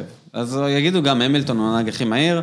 הוא עדיין מנצח את הנהג השני של מרצדס. נכון, אבל תשים את המילטון, כנראה גם בפרארי, בכל קבוצה אחרת, הוא לא יהיה אלוף עולם. איך זה- אתה מסביר את זה בתור מי שהוא מהנדס? מה, מה מרצדס עושים? זאת אומרת, אוקיי, למי שלא מכיר, פורמולה 1, אה, עשר חברות רכב, שכל אחת מהן יכולה להביא שתי מכוניות ושני נהגים, אה, והם מתחרים בעצם בסבב שנמשך מכל העולם, שבוע אחרי שבוע, עם הפסקה כלשהי, אה, מאוד זוהר, מאוד מגניב, מאחורי הקלעים המון עבודה של מאות ואלפי אנשים, ובפועל, בשנים האחרונות, זה סוס דו-ראשי, או חד ראשי, חד ראשי לגמרי. חד ראשי לגמרי בעצם, שבו מרצדס והאלוף שלהם, אה, לואיס המילטון, מנצחים פחות או יותר ללואיס המילטון יש יותר ניצחונות של מרוצים מאשר אה, בשנה אחת, מאשר לכל החברות האחרות יש כנראה לכל ההיסטוריה שלהן, אם זה חברות עונות יותר, אה, ופרארי מדי פעם גונבת ניצחון, ורדבול מדי פעם גונבת ניצחון, פרארי גונבת טיפה יותר, אבל סטו. מה מרצדס עושים, או עושה, שאחרות, אתה יודע, פרארי זה לא איזה חברה קטנה וזניחה, יש לה אלפי עובדים. יש לה את הידע, יש לה את המסורת, יש לה את הכסף, יש לה את המותג, איך היא לא מצליחה לסגור פערים הנדסיים? זה... אני, אני לא... סתם, לא מומחה לפורמולה לא, בוודאי. שלא, אתה יודע, סתם כאוהד כן, ספה. בגדול, אה, כל, אה, כל כמה שנים הם עושים איזה שינוי גדול בתקן, וזה יוצא שכל פעם, אה, זה לא עשר חברות רכב, זה עשר קבוצות מרוצים. כן, אז כן, רובן. באמת שייכות ליצרנים, אבל יש גם קבוצות שהן, אה, זה העסק, או קבוצה. אה, ו, וכל כמה שנים השינוי הזה נותן איזשהו יתרון ל- לאיזשהו קונספט של אחד היצרנים האלה. אז השנה היה את השנים של וטל ברדבול, שהיה להם איזושהי חבילה אווירודינמית יותר מוצלחת מכולם, והם פשוט ניצחו את כל המרוצים, שינו את התקן, כי הדומיננטיות הייתה מאוד גבוהה. מרצדס היו אלה שהכי התאימו לתקן החדש, הם מנצחים לפני... אבל מה זה אומר הכי התאימו? אתה אומר, אוקיי, שנה אחת הבנתי התאימו, שנה שנייה הבנתי התאימו, איך אתה לא סוגר את הפער לאורך שנים? אה, כמה האתגר ההנדסי מטורף. זה מטורף, הרכב הוא מורכב ברמות משוגעות, מהאווירודינמיקה עד למנוע, זו יחידת הנעה מאוד מורכבת, היברידית, משוגע, משוגע, יש שם תקציבים שהם לא, לא פרופורציונליים לשום ספורט, זה כמה התקציב, זה, אתה מדבר על כמעט חצי מיליארד פלוס לעונה.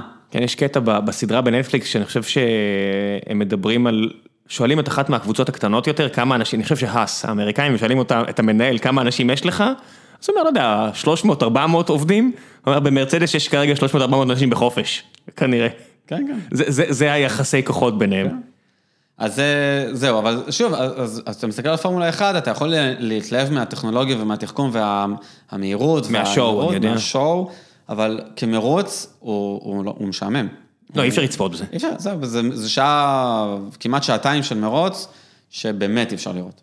זאת אומרת, אתה, אתה יכול לראות אם יש לך מספיק היכרות עם הסיפורים של הקבוצות האחרות. אתה, אתה לא מגיע כדי לראות מי ינצח את המרוץ, שזה חלק די גרוע ב, ממש. בענף ספורט. ממש, וזה אחד הדברים שאנחנו גם, כשאנחנו מסתכלים על הספורט, אז אמרנו, זה לא יכול לראות ככה שהספורט הזה הוא כל כך משעמם, שזה דרך אגב נכון להמון, להמון ליגות בעולם. אנחנו הלכנו למרוצים באיטליה, אתה רואה את הזינוק של המרוץ, שזה רגע יותר מעניין, הרגע הכי מעניין במרוץ, הזינוק. כי שם באמת יש אפשרויות למעקפים ו... כי קורה, כן, יש הרבה רכבים, אבל כשהם, ואז הם נעלמים, המכוניות נעלמות, אתה מחכה, מחכה, מופיעות שוב, וזה כבר לא מעניין. זהו, זה לא- התייצב על ה- על ה- על ה- כן, מדי המדרג. פעם עקיפה, זה, לא נותן לך כצופה חוויה מספיק מעניינת, מספיק engaging, מספיק משהו כדי להגיד וואו, ואתה אמרת משפט מאוד יפה, אתה אמרת, למי שכן חווה את הספורט הזה, מעורב בו הרבה מעבר לצופה רגיל, אז כן מעניין אותו לראות את המרוץ, כי הוא מכיר את כל הסיפורים הקטנים.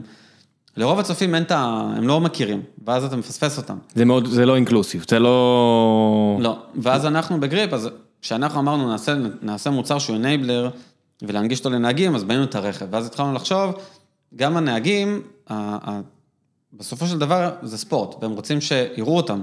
הרי אם, אם ידחו 10, 15, 20 נהגים לאיזשהו מסלול ואף אחד לא יראה אותם, זה ספורט. אפשר להגיד שזה ספורט, אבל זה יותר כמו... כמו לשחק בשכונה בכדורסל, כאילו, אני יודע מה. אם עץ נופל ואף אחד לא רואה, זה באמת... לא. עבורם זה ספורט, אבל זה לא כן, ספורט, זה לא בידור, אוקיי? זה לא זה לא בידור להמונים. אם, אין צופים זה לא ספורט, זה חייב שיהיה לזה צופים. חייב, ובייחוד ספורט מוטורי, שבסוף אתה מדבר פה על איזושהי מערכת שמזינה את עצמה של, אה, אנחנו אומרים את זה, אנחנו מתארים את זה כאפ ספיירל כל הזמן, שאתה לא יכול שיהיה לך מרוץ בלי צופים, כי אם יש לך, בוא ניתן את הדוגמה החיובית, כשיש לך הרבה צופים, אז, אז הנהגים מקבלים את הפרסום שלהם, ואז קל להם להביא ספונסרים. והספונסרים אה, מביאים עוד נהגים, כי יותר קל לך להתחרות, כי יש לך ספונסרים, ואז יש יותר צופים.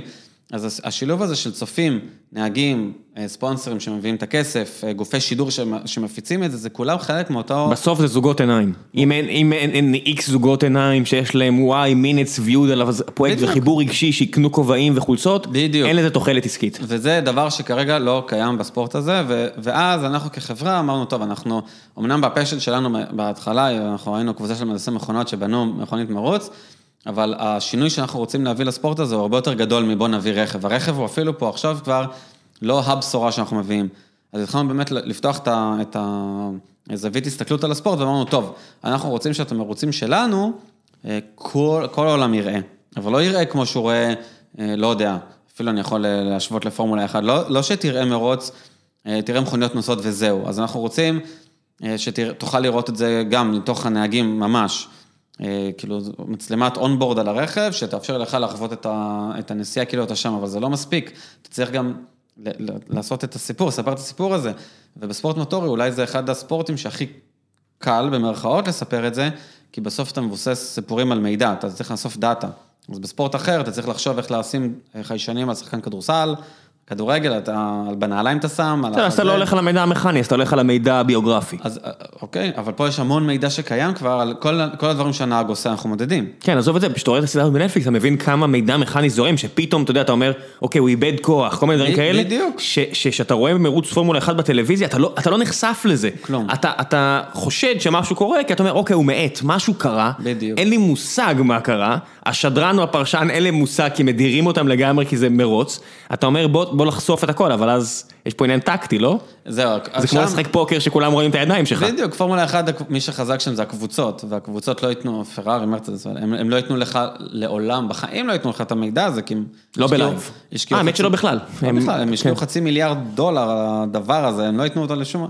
ובסוף מי שסובל מזה, אז אוקיי, אז הם ניצחו, אבל אף אחד לא מבין, זה בדיוק מה שאתה אומר. ואנחנו הולכים על הכיוון ההפוך לגמרי, אנחנו מדברים בעולם שלנו, ספורט מוטורי הוא עניין של קהילה, זה מילים כמו שיירינג, זה דברים שהם היו מילים שהן לא רלוונטיות לעולם הזה, עד שאנחנו עכשיו באים ומייצרים את, את היכולת הזאת כן לעשות את זה. זה קצת כמו המרוצים האמריקאים, שהם הרבה יותר אה, משפחתיים כאלו. אה, אולי משעממים אותי, לא יודע מה, כצופה, לראות אה. נסקר אובל, אני יודע, כל המשפחות נסקר האלה שמגיעים לשם ו- ו- וכולם בערך באוטו דומה וכל אחד יכול לזכות וזה... אני לא לגמרי מכיר מה שאתה אומר, נסקר אני מכיר, כן, הם נוסעים בעיגולים, זה גם, יש לזה את השעמום שלו, למרות ששם הם מתרסקים כל הזמן. כן, וגם הרבה יותר פתוח, המרוץ עצמו נורא פתוח. נכון, כי הם הבינו, עוד סדרות מרוצים הבינו שהדבר הכי חשוב זה תחרותיות. אם אין לך סדרה תחרותית, שאתה לא יודע מי ינצח כל הזמן, אתה בא מתח, אז, אז זה לא מעניין. וזה הדברים שאנחנו עושים. אז עכשיו, אז גריפ כחברה כבר עשה איזושהי אה, התרחבות לעולם ה... אנחנו בעצם אוספים מידע, מנתחים אותו, אה, מייצרים מהמידע הזה תובנות, מנגישים אותו בצורות, עושים לזה עיבוד לגרפיקות, שאתה מציג על, ה- על המסך, אם זה לצופים. תתאר לי את החזון. אם. תתאר לי עשור מהיום, עם הכל, כל הקלפים מחולקים כמו שאתה היית רוצה שיחולקו, כל אבני הדומינו מסודרים בצורה מושלמת, אה, מסודרות, סליחה, בצורה מושלמת, אה, איך זה נראה? מה קורה בסוף? זה נראה, קונספט המרוצים שלנו, שעכשיו אנחנו מפתחים אותו לליגה שלנו, שרצה באיטליה, ה-G1 Series שלנו, שזה ה-study case לכל מה שאנחנו רוצים אחר כך, שכל עולם המרוצים מתנהג כמו שאנחנו מפתחים, זה נראה שאתה, אה, בתור נהג, אה, מגיע לנסוע, ואתה אתה נוסע, ובזמן שאתה נוסע המידע שלך נאסף, מנותח, מושווה בין כל הנהגים, אתה לומד יחד עם הקבוצה של הנהגים שאיתם אתה מתחרה, אתם לומדים ביחד ומתפתחים. אה, כל העולם רואה אותך כשאתה נוסע, צופים יכולים לגשת אליך ישירות דרך הפלטפורמה שאנחנו מפתחים, להסתכל איך אתה נוהג, להמליץ לך, לעזור לך להשתפר. אה, זאת אומרת, זה, זה ב streaming live, בפלטפורמה הכל- כזו או אחרת, הכל, אני כן. יכול לשבת בבית, אה, לפתוח את המרוץ ולראות, אוקיי, הנה הבחור הזה, הנה הביוגרפיה שלו, אהבתי את מה שהוא כתב, הנה כמה סרטונים שלו, רוכב על סוס ליד המשפחה שלו ב Shitsville, whatever, מעניין אותי לעקוב אחריו, ועכשיו אני יכול לראות אותו בלייב, והנה הביצועי מנוע שלו, והנה הכל. הנה הכל, הנה איך הוא נסע כל העונה, הנה הפרמטרים שלו, הנה הגרפי השתפרות שלו, הנה מה שהוא עושה טוב, הנה מה שהוא לא עושה לא טוב, הנה... אני מבין שאני יכול לעזור לו בצורה כזאת, כי אני אוהב את הספורט, אני מתקשר אליו, אני מדבר, לא מדבר איתו, אבל דרך הפלטפורמה, עזוב את זה, מביא כסף. עולם, העולם הזה גם, כל הנושא של אה, איך לתמוך בנהגים מרחוק, וגם איזשהו אה, אה, אה, כלכלה. פנימית, בדיוק. כן. ממש ככה. הצופים, כל הנושא של העברה של הסיפור של, של המרוץ הצופים, זה דברים שאנחנו עכשיו עובדים עליהם, ובשאיפה גם, אתה יודע, יום אחד יהיה לנו את ה-G1 Series, שזה הליגה הבסיסית, יהיה G2, G3, אנחנו הזמן צוחקים על זה. entry level, אה, להתחיל, כן. כן. כי אתה, יש אחד הדברים, זה איזשהו סולם התקדמות, שאתה מסיים ליגה, זה לאן אתה מתקדם. נשמע כאילו השותפים שלך צריכים להיות באוסטריה, לא באיטליה. הם יהיו, יש, כן, גם. אנחנו אה, צוחקים על זה שבפורמולה 1 הם אה, נתקעו, כאילו הם לא יכולים לעשות יותר מהיר מפורמולה 1. כי זה יהיה פורמולה 0 כנראה, זה כן. נגמר להם המספרים. אנחנו מתחילים את המספור הפוך. את, אתם עולים למעלה. בדיוק. אתם האנטרי לבל שלכם הוא אחד, ו... ומי יודע לאיפה תגיעו. בדיוק, השמיים הגבול, אז אה, זה משעשע. אבל זה לא יכול להיות בארץ. זאת אומרת, ישראל יש יותר מדי מגבלות, יותר מדי בעיות, שוק קטן מדי, אתם חייבים לייצא את זה למדינה מוטורית יותר. לייצא את, את זה. את הסבב, את המרוץ. ברור, ברור, שום דבר, המדינה, המדינה שלנו היא קטנה מאוד וגם אין מסלולים. עכשיו יש מסלול אחד, אז זה- זה התחלה, כן. אבל אה, ברור, אנחנו מסתכלים על כל העולם. יש לנו ליגה באיטליה, אנחנו עכשיו, אה, בוא נזכור, אנחנו כולה שנה שנייה רצים, אז זה ממש ממש, אנחנו רק בהתחלה, אנחנו כאילו... בסדר, יזם צריך למכור את החלום של עוד עשור, לא של השנה. הפנטזיה שבכל העולם יש ליגה, ליגות שלנו שרצות, אנחנו מדברים על וולד סיריס, שבסוף אתה לוקח את כל האלופים מכל העולם ושם אותם במסלול. אה, אנחנו משלבים מרוצים, אנחנו משלבים מרוצים וירטואליים במרוץ, זה גם איזשהו עולם חדש שאנחנו הראשונים לעשות אותו. מה קרה משלבים מרוצים ויר- וירטואליים? אה, זה שוב, כל העולם הזה של... מה, חבר'ה שמתחרים ב Gran Turismo או בפלייסטיישן 5? לגמרי, בסוף אתה מדבר על איך אני מנגיש את הספורט, ואיך אני פותח אותו, ואיך אני מוזיל אותו, ואיך הכל. אז אה, אתה לא יכול להתעלם ממה שקורה בעולם ה e-sport, מטורף מה שקורה שם.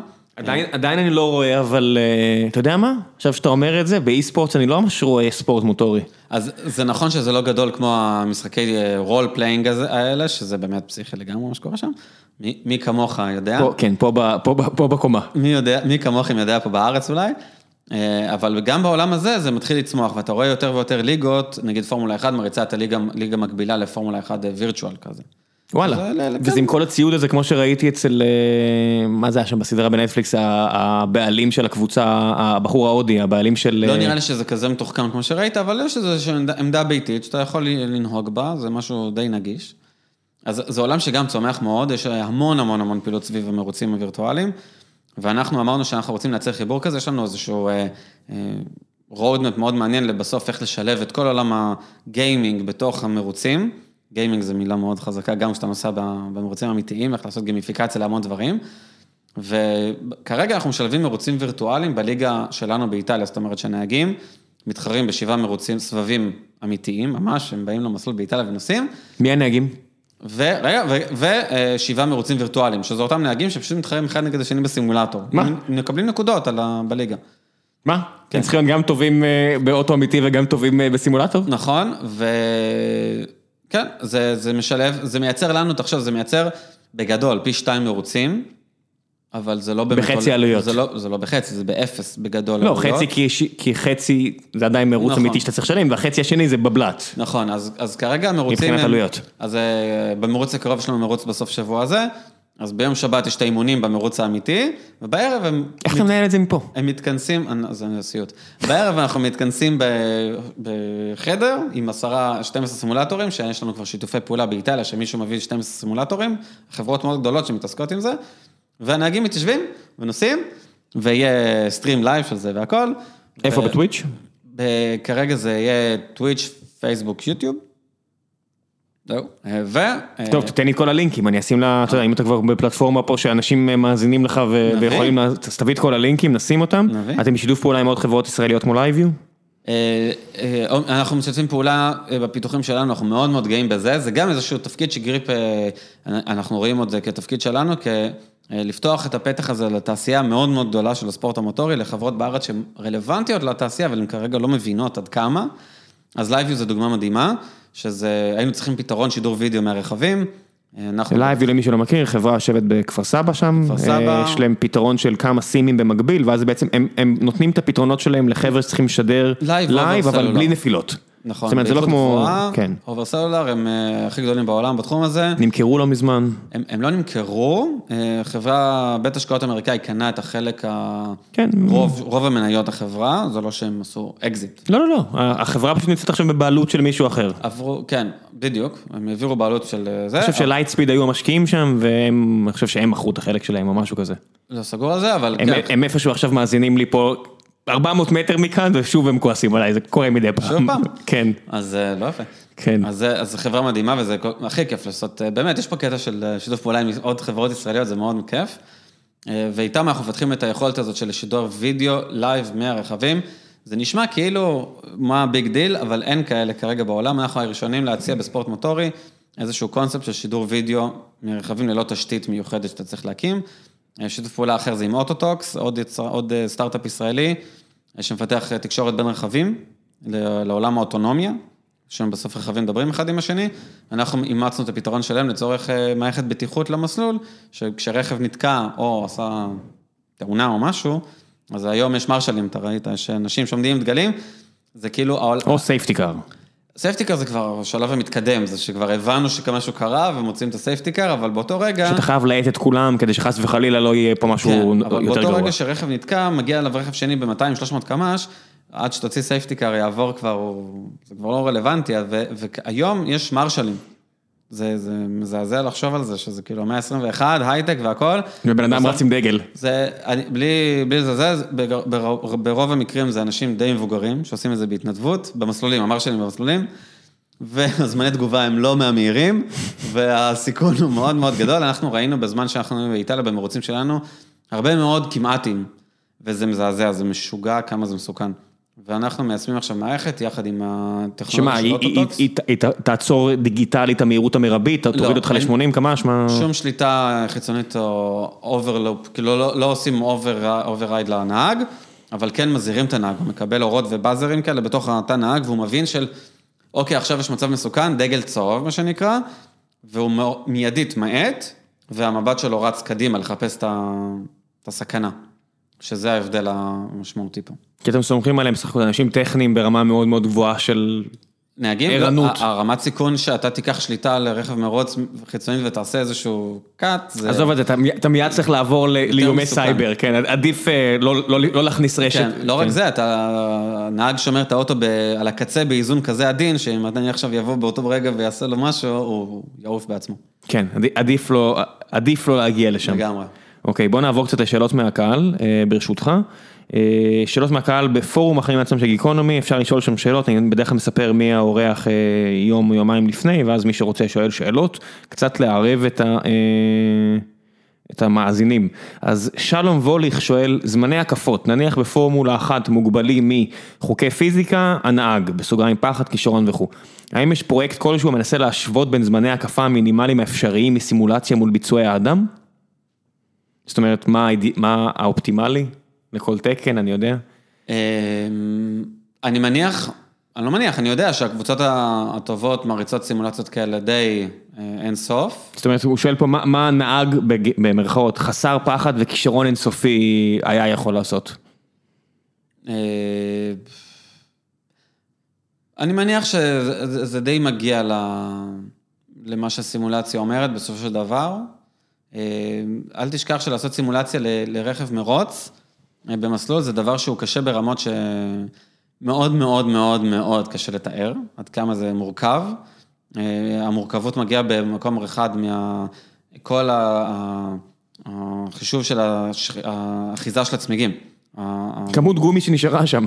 לא, המודל הפיזיקלי שמתאר את האחיזה של הגומי באספלט היא מורכבת מאוד, מאוד מאוד מאוד. אה, בלי להתחשב בזה שיש סוגי אספלט שונים ומסלול, וזה מאוד מורכב, ואז יש את האווירודינמיקה, זה דבר מאוד מורכב, והכל מאוד מורכב לסמלץ. כן, כל הדברים שבתואר ראשון אומרים אה, בוא נניח ו... נזניח, כן. נזניח ונניח ואין בעיה. אז, אז להגיע לסימולציה שהיא אמיתית בעולם שלנו היא מאוד מאוד מאוד קשה. אה, אני מניח שהחברות הטובות כבר מגיעות לסדרי גודל שהם די מדייקים, וגם בהן כנראה הנהג האנושי הוא עושה עבודה די טובה. הוא שואל אה, עוד שאלה אם אפשר, מה הפיתוח הכי משמעותי שעובדים עליו לשיפור זמנים? אה, הוא רושם, לי זה נראה שמאז שוויליאמס גילו את אפקט השמלה, לא הייתה קפיצת מדרגה משמעותית, האם הוא טועה? אה, מה זה לא. אפקט השמלה? אפקט השמלה, הוא מתייחס לחצ... קוראים לזה חצאיות. זה איזשהו, מאז שגילו את היכולת ההשפעה אווירודינמית של רכבים, אז באמת מתחו את זה לקצה. אחד הדברים שמדברים עליהם זה אפקט קרקע, זה בעצם איך האינטראקציה בין רכב שנע מהר על משטח, אה, וה, והאוויר שנע ביניהם, בתווך הזה. אז תחשוב, אוויר נע מהר, אז אה, ברנולי, חוק ברנולי, מהירות, לחץ, אה, שימור אנרגיה, למי שלא מכיר, מהירות. אני יכול לקרוא בוויקיפדיה. כן, אז ברגע שהאוויר נע מהר, אז הלחץ שלו יורד. אז עכשיו אנחנו מדברים פה על איזשהו אלמנט שנע קרוב לקרקע, האוויר מעליו נע במהירות של הרכב, אני נוסע ב-200 קמ"ש, אז האוויר מעליי נע ב-200 קמ"ש, ויש את האוויר מתח, מתחת לרכב, שאם אני מצליח להאיץ אותו למהירות יותר גבוהה מהמהירות נסיעה, על ידי זה שאני פשוט מתעל הרבה אוויר לאותו חלל, אה, מרווח צר, אז אני מוריד את הלחץ, המהירות עולה והלחץ נופל, לחץ גבוה למעלה, נמוך למטה, מייצר כוח הצמדה. אז מה שהחצ... האוטו דבוק לאספלט. נכון, אז מה שהחציות האלה יצרו, זה בעצם איזושהי אטימה של המרווח מתחת לאוטו, ככה שהמהירות שם הייתה ממש ממש גבוהה, הפתחים היו מאוד קטנים, המהירות הייתה מאוד גבוהה, וזה יצר סוג של ואקום מתחת לאוטו, שפשוט הצמיד את המכונית על ה... הדביק אותה לרצפה. גריפ טוב יותר. כן, אבל ברור לך מה הסיכון.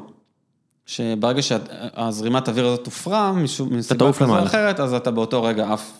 אתה פתאום רואה מכוניות עושות סלטות. נכון, אז ביטלו את השימוש בדברים האלה מטעמי בטיחות, וכן, מה האלמנט הבא שישנה את הזמני הקפה, אז בסופו של דבר אני חושב שאם אנחנו, אם דיברנו על הנעה חשמלית ובקרות, אז בסוף זה יהיה משהו כזה, כי זה נראה כאילו באמת, לאן כבר אפשר להגיע עם, ה, עם הטכנולוגיה הקיימת בלי לשנות יותר מדי, זה לא, רואים קדימה, אתה אתה- כמו שאתה אומר, אתה רואה מנועים אחרים לגמרי, פשוט קדימה בעתיד. אז זה, זה כנראה יהיה זה.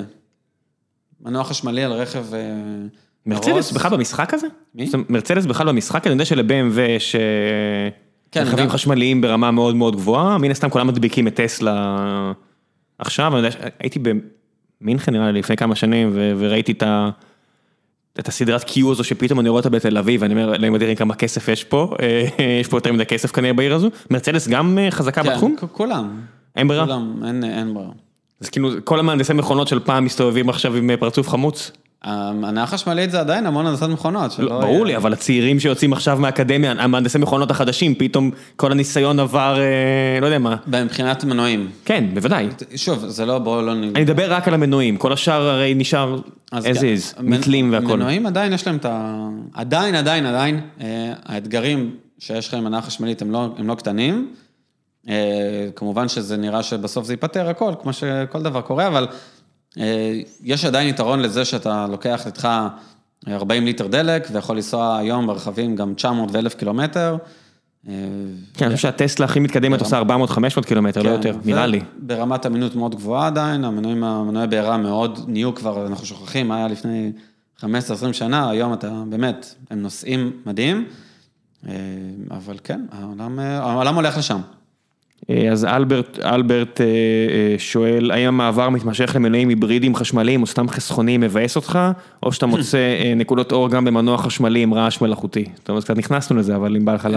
כן, לא, אני, אני רואה בזה, שוב, זה לא ש... בוא נשים נוסטלגיה בצד, ואהבה לכל העולם הזה של המנועי בעירה, שתמיד יהיה בליבנו, אבל צריך להבין שזה, העתיד נמצא בחשמלי, ו, ולעשות את ההתאמות, ו, ושוב, זה לא, לא מרגש, זה לא חשמלי, זה סטרילי, משעמם, זה, זה, לא, טסלה נוסעה 300 קמ"ש. היא מאיצה כמו שאף רכב כן. לא מאיץ. ו, ושוב, אתה יכול להגיע לעולם של המון המון בקרה, שדרכה אתה יכול לייצר גם עולם שלם של מרוצים שיהיה מאוד מעניין ומאוד uh, מלהיב. ימצאו כבר, ימצאו כבר דרך לאנשים בכל זאת אה, לתת את האדג'. בדיוק. אולי לא, לא יודע, אבל אני מקווה יהיה- שכן. אני, אני, יהיה- אני, יהיה- יהיה מעניין. אני בעד Team Human Beings. מאוד אה, מסקרן. שי שגב שואל, אה, מה אתה חושב על תקנה 380? אה, מאיפה לדעתך מגיעה התקנה פוליטית בטיחותית יבואני הרכב? האם נכון לא לאפשר לשפר במרכאות רכבים? או-אה. מה זה תקנה 380 למי שלא מכיר? אם הייתי יודע, הייתי מסביר. אוקיי? לא סגור עליה, אבל בכלל, כל הנושא של ה... בואו לא ניכנס לזה, פשוט. כאילו, יבוא, תקינה בארץ, בלאגן. כן, חבל, חבל. אה. זה, יכול להיות כל כך פשוט. אתה מביא רכב מרוץ לארה"ב, אתה, אתה יודע, אתה מבין, כאילו, האמריקאים, מה מבינים? אתה משלם 3% מס, ולא מעניין, כאילו, הכל, הכל פשוט, כאילו, רק, תוכ, רק תוכיח ותבטיח שהוא לא עולה על כביש. וזה בסדר, אתה מוכיח, זה לא סיפור. אלכס אה, רלגלס שואל, אה, אומר, תראה שאתה לא שוכח את האנשים הקטנים בדרך, יש לך כל מיני אנשים פה במשרד שהיו מעורבים במיזם שלך בשלב כזה או אחר. אה, זיו פלג, אה, אלכס, איזה בן אדם. כן, אז זיו, גם אה, עליו יש לי סיפורים, אבל אנחנו נספר אותם. ב- ספר אותם באופליין. כן. אה, זיו אומר, אחד ולתמיד, מה המסלול הכי טוב בארץ? בגדול, אני נסעתי רק במוטור סיטי, מוטור סיטי זה המסלול היחיד כרגע שמציע את ה- את התשתית ה- הראויה, אה, גם מבחינה בטיחותית וגם מבחינת התוואי של המסלול, לקיים פעילות, אני מאוד מאוד מקווה שיהיו עוד מסלולים. אה, אני, מסלול, יש את המסלול בערד, ש, שנפתח. הוא, לצ... הוא, הוא מסלול שהוא שוב, זה לעומת מה שהיה זה אין סוף יותר, אבל נגיד לנו, לרכבים שלנו עדיין צפוף מדי ולא מספיק פתוח ולא מספיק אה, נותן את, התנאים לקיים מרוצים בו. אה, יש גם את המסלול בבצאל, שזה, אה, גם שם עוד לא נסענו, והוא גם עוד לא, זה לא מספיק בטוח. אני לא רוצה להגיע לסיטואציה שבה רכב שלי, שאנחנו, לא רכב שלי, רכב שאנחנו מייצרים, מחליק עם מסלול ב-200 קמ"ש, וקורה משהו לנהג, כי לא היה שם את האזור, אזור... מה הופך מסלול למסלול בטיחותי יותר, שיש מספיק מרווח בין האספלט ל... בין המסלול עד לחומת צמיגים הראשונה צריך להיות איקס מרחק בהתאם למהירות שבה אתה נמצא באותו, באותה נקודה. החומת ההגנה של הראשונה שאתה פוגש זה חומות צמיגים, החומה השנייה זה משהו יותר קשיח, אבל אתה כבר צריך להגיע לשם עם... הרבה פחות מהירות. איבדת את כל המהירות, נכון.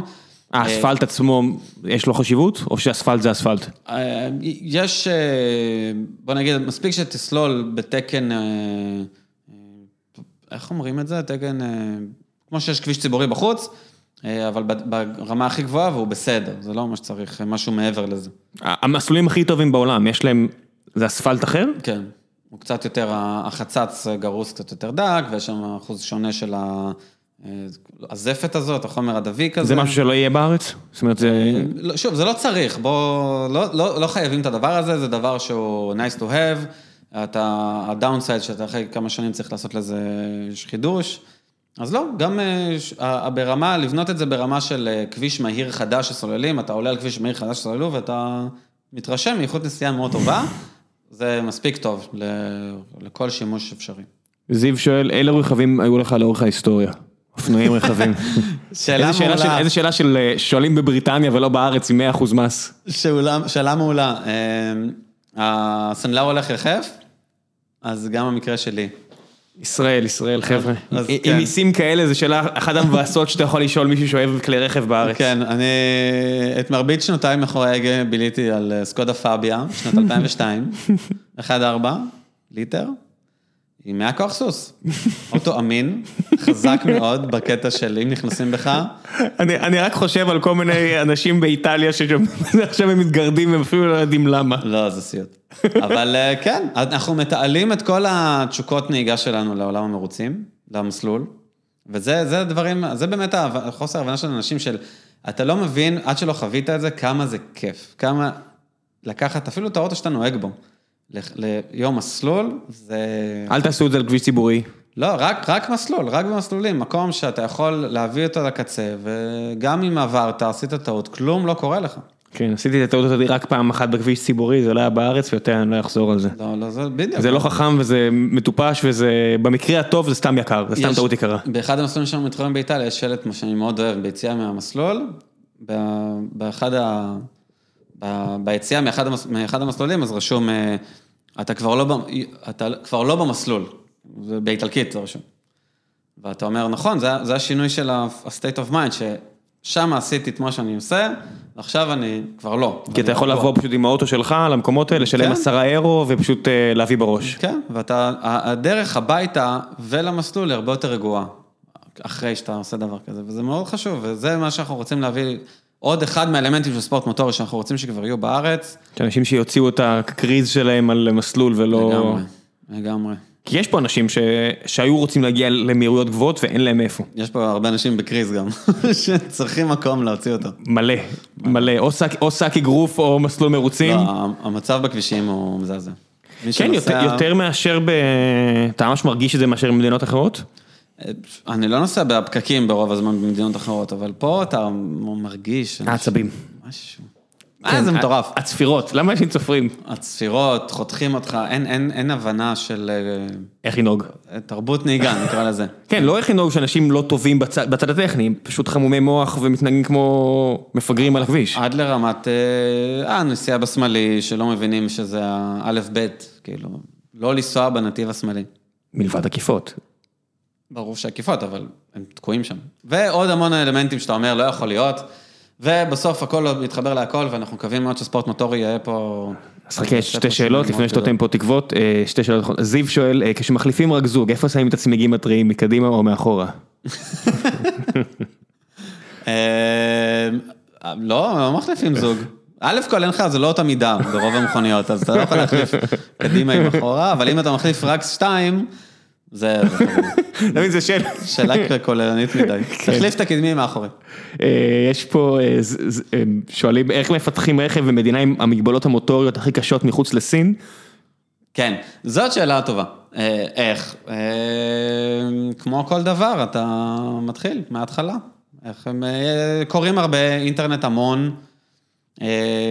כן, יש פה אנשים עם ידע באוטומוטיב, ברכב, מעולם הרכבי ספורט או סדנות שיפורים, אנשים עם ידע. מחברים את הכל, עושים מזה... הפתיעו אותך אנשים שהגיעו אליך סתם מהרחוב ופתאום אתה קולט שהם אשכרה יודעים על מה הם מדברים? אה, כן. אה, יש לנו, התחיל איתנו את גריפ אה, איש, אני אשמור את שמו חסוי כרגע, שלא היה לו ניסיון בספורט מוטורי, אבל הוא כן היה מהנדס הכי טוב שפגשנו, וטיונר זה בן אדם שעושה את הטיון למנוע- אחרי שאתה משפר אותו ומשנה לו את הטורבו ובוכנות וזה. אז הוא היה באמת אה, אה, תופעה חריגה, כאילו לא, אני לא חושב שיש מישהו בחצי הכדור הצפוני שמוכשר כמוהו. והוא תקוע במדינה שבה הוא חייב לעשות משהו אחר כנראה. אז כן, הוא עכשיו עושה משהו אחר, לצערנו.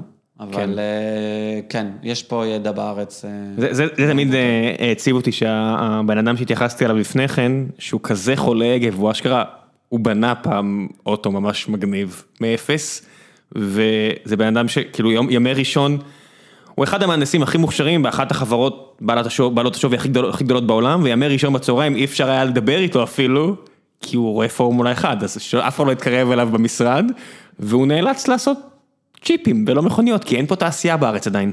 אה, נכון, אז אני, אנחנו מאוד מאוד מקווים, נחזור לתקוות, ש, שאנחנו עושים פה את ההתחלה של כן לייצר תעשייה בתחום הזה, ששברתי את, הפודקאסט עם אהרון אהרון שאמר, אה, אה, אין לנו מה לייצר פה מכוניות, זה לא היתרון היחסי שלנו, הם עושים את זה כבר המון שנים בחו"ל, אז אין לנו שום דבר להביא. אני מאוד מאוד מסכים עם הכוכבית הזאת של אה, ספורט מוטורי, excluding ספורט מוטורי, נקרא לזה ככה. כי ספורט מוטורי באמת אתה, אתה לא צריך הרבה דברים אחרים שיש כן. במפעלי רכב רגילים, זאת אומרת, אתה לא תתחרה עכשיו ברנו על השיווק ועל הדברים האלה, שעם כל הכבוד, אתה יודע, הפ, הפער בספורט מוטורי, יש שם פלחי שוק השלמים, שכמו שאתה אומר, הם, הם untapped, אתה מגיע למקום שאין בו כרגע משהו, נכון. אז אוקיינוס כחול עדיף מאשר מקומות שמאה שנה של תרבות ספורט, לא ברור. תרבות ספורט, תרבות נהיגה ותרבות הנדסה, לסגור את זה, זה יהיה נאיבי על גבול המטומטם. נכון, וזו לא הכוונה, לפחות לא שלנו, אנחנו מדברים על, אה, על, אותו, על אותו תווך בין ההייטק, טכנולוגיות שיש פה, ואיך משלבים את זה בתעשייה הזאת של הספורט מוטורי, כדי להביא את השינוי שאנחנו רוצים להביא, אה, שלשם אנחנו הולכים. אז אני רק אוסיף שנגיע לשאלה הזאת של אה, אה, חוץ מסין, אז עוד חודש, חודשיים אמור להגיע לפה מישהו שנמצא בסין רוב הזמן, והוא עובד עם NVIDIA, עכשיו הוא NVIDIA ולפני כן במובלי-איי, אז הוא מנסה לחנך את השוק הסיני ונשמע ממנו כמה זה עוד יותר קשה, מדינה טיפה עוד יותר משוגעת מאצלנו. טוב, אז יש פה כל מיני שאלות שנראה לי כבר התייחסנו אליהן, אה, ניב שואל האם יש כוונה להביא את גריפ גם לארץ, בכל זאת 360 יום בשנה מזג אוויר אולטימטיבי, אז... אז אה, גרי בארץ. אז בוא, בוא נעבור לסוף הפרק, בוא תן את כל המידע על איך אפשר למצוא את Griiip, אה, ומי שרוצה בכל זאת להתחרות, אפילו מול עצמו, על אה, שעון עצר. כן, Griiip, אז קודם כל, אה, כרגע, overview מהיר, אנחנו כרגע מריצים ליגה באיטליה, אה, מסתכלים על עוד, עוד ליגות בעולם, שיפתחו שנה הבאה, כולל בישראל, אנחנו מאוד מאוד, זה החלום הבא, אני רוצה לראות זינוק של מרוץ של ה-G1 Series בארץ. יש כבר שני רכבים שפועלים במסלול במוטור סיטי, בשדה תימן, ליד באר שבע. כל מי שרוצה לנסוע יכול ליצור איתם קשר, אנחנו פשוט לא מפעילים, זה לא התפעול שלנו, זה תפעול שלהם. מכם. כן, אז תיצרו איתם קשר, אפשר אה, לעשות קורסים ולפה ולנסוע. אתה היית מתחרה? אה, אם יהיה? אני... מותר לך? למה לא? אבל לא יודע, אני כי- אני כי. כי זוגתך יכולה להטיל וטו, אני יודע. לא, זוגתי מפרגנת. אבל אה, לא, אנחנו... אני כנראה אעמוד בצד למה? ויהיה חלק מהאופרציה מה, שמוודא שהכל... טראומה מהרגל עדיין? לא, לא, ממש לא, אבל אני רוצה שזה... אני גם... אני לא נהג מרוצים, לצערי, אני יכול ללמוד את זה כאן, אתה- ולהתפתח. אתה- אתה לא- אתה לא. בגיל שהיית אומר לי, עזוב, אין לי כבר את האינסטינקטים וכאלה. תן לי לראות קודם כל עכשיו נראה לי. פשוט זוגתך כועסת עליי, אני לא יודע למה, אז אני לא, סתם את הפה. אני רוצה לראות שהכל אה, בסדר, אז- יעבוד שנה ראשונה. שעובד בסדר, שנה שנייה מתחרה. סגור. אוקיי. חותם על זה. אז אה, אנחנו גם מציעים נסיעות באיטליה למי שרוצה, כי אנחנו, רוב הפעילות שלנו נעשית שם. אז אה, ניב, ניב היה זה כן. ששאל? אז אם אתה מגיע לצפון איטליה, דבר איתנו. יש איזושהי חברת אה, תיירות שמוציאה, לא יודע מה, עסקה מאורגנת של כל הדברים האלה? לא יודע מה, איסטה ספורט, כל מיני כאלה? לא, עדיין לא, אנחנו... זה לא החלק המשמעותי בפעילות שלנו, עדיין. אנחנו כן עובדים על איזשהי אה, קונספט מרוצים, שגם יהיה איזשהו קונספט חווייתי, קוראים לזה G1 Experience, אנחנו בסוף אה, נשיק את זה גם. זאת אומרת, מישהו, מי שרוצה עכשיו צריך לדאוג הכל בעצמו, למלון, לטיסה, לכל הדברים, רק ייצור איתכם קשר בנוגע ליום עצמו על הכביש. כן, כן, כבר היו ישראלים שעשו את זה, ונהנו מאוד. אה, באיטליה זה גם החוויה עם הפסטה וה... הכל. והכל, כל הכל ביחד. אה, מה פספסתי? וכן, המ- המרוצים שלנו כרגע אה, משודרים, אז המרוצים הווירטואליים משודרים ב live, המרוצים האמיתיים לא משודרים ב live. אה, גם, אה, אה, הם ישודרו ב live, אנחנו כרגע בפיתוח של כל הפלטפורמה שלנו, שגם משדרת ב live וגם עושה אוגמנטציה של מידע וגם עושה המון יש לכם איזשהו תאריך, שנה הבאה? אז זה כן יהיה שנה הבאה, אולי אפילו כבר השנה. אה, לא ציינתי את זה עד היום, עד עכשיו, אבל כן, הצד השני של הטכנולוגיות וה, והמדיה שלנו, אז אנחנו כבר הגענו למצב שיש לנו חוזה הפצה עם ESPN, שתמיד אנחנו מאמינים בלהתחיל הכי גבוה ומשם אה, גם לעלות. גם ESPN כמוכם. הם אנחנו- התחילו באחד ולך תדע לאיזה ESPN, אה, אתה יודע, זה יכול להגיע גם ל-ESPN 12, מבחינתם אה, מתחה. אז אנחנו עובדים עם ESPN פלוס, חזרנו הסכם הפצה לפלטפורמה הדיגיטלית של ESPN, כי התוכן שאנחנו מייצרים הוא תוכן מאוד מעניין, הוא שונה בגלל כל הנושא של הדאטה, וזה משהו מאוד רלוונטי לאותם גופי מדיה שמשדרים ספורט ורוצים את הדבר הזה שהם יהיו להם לשדר בפלטפורמות שהן בסוף אה, פלטפורמות אה, D2C, Direct to Consumer. אז אנחנו כרגע, אה, וזו גאווה מאוד גדולה להגיד את זה, שאנחנו יצרן ישראלי שמריץ ליגה באיטליה, שמשודרת ב-ESPN פלוס בכל העולם. בנימה זו, אני אגיד לך תודה רבה שבאת. ובוואן בארץ, ובוואן בארץ. כן. לא, זה פרטנר מאוד חזק שלנו, אנחנו עובדים איתם גם, חלק מהכל של הפיתוח של הפלטפורמות. וואלה, כן, טוב לדעת. מטורף. כן, האמת שכן. כל הכבוד. כן, לא, אני ראיתי אותך לאורך השנים. האלה מפגישה לפגישה, וכיף לראות את ההתקדמות הזאת. תודה זאת אומרת, אומרת, כמו כל מיזם, עצם העובדה שאתה עדיין יושב פה ומדבר על- החברה הזאת ולא חברה אחרת, זה כבר מראה שהבאת בראש, זאת אומרת, זה זה דרך לא קלה. הוא עושה לא עם הראש, היא דרך לא קלה. לא קל. אה, קל זה לא. כן, אף פעם לא אמרתי ליזם, בטח היה לך קל. אז אני לא אתחיל עכשיו. לא, לא, זה מאוד מאוד קשה. אה, לעשות את זה, שאמרת מה זה אומר להפעיל ליגה באיטליה, זה סיוט. אה, זה סיוט לוגיסטי, זה סיוט אה, תקציבי, זה סיוט מכל הבחינות.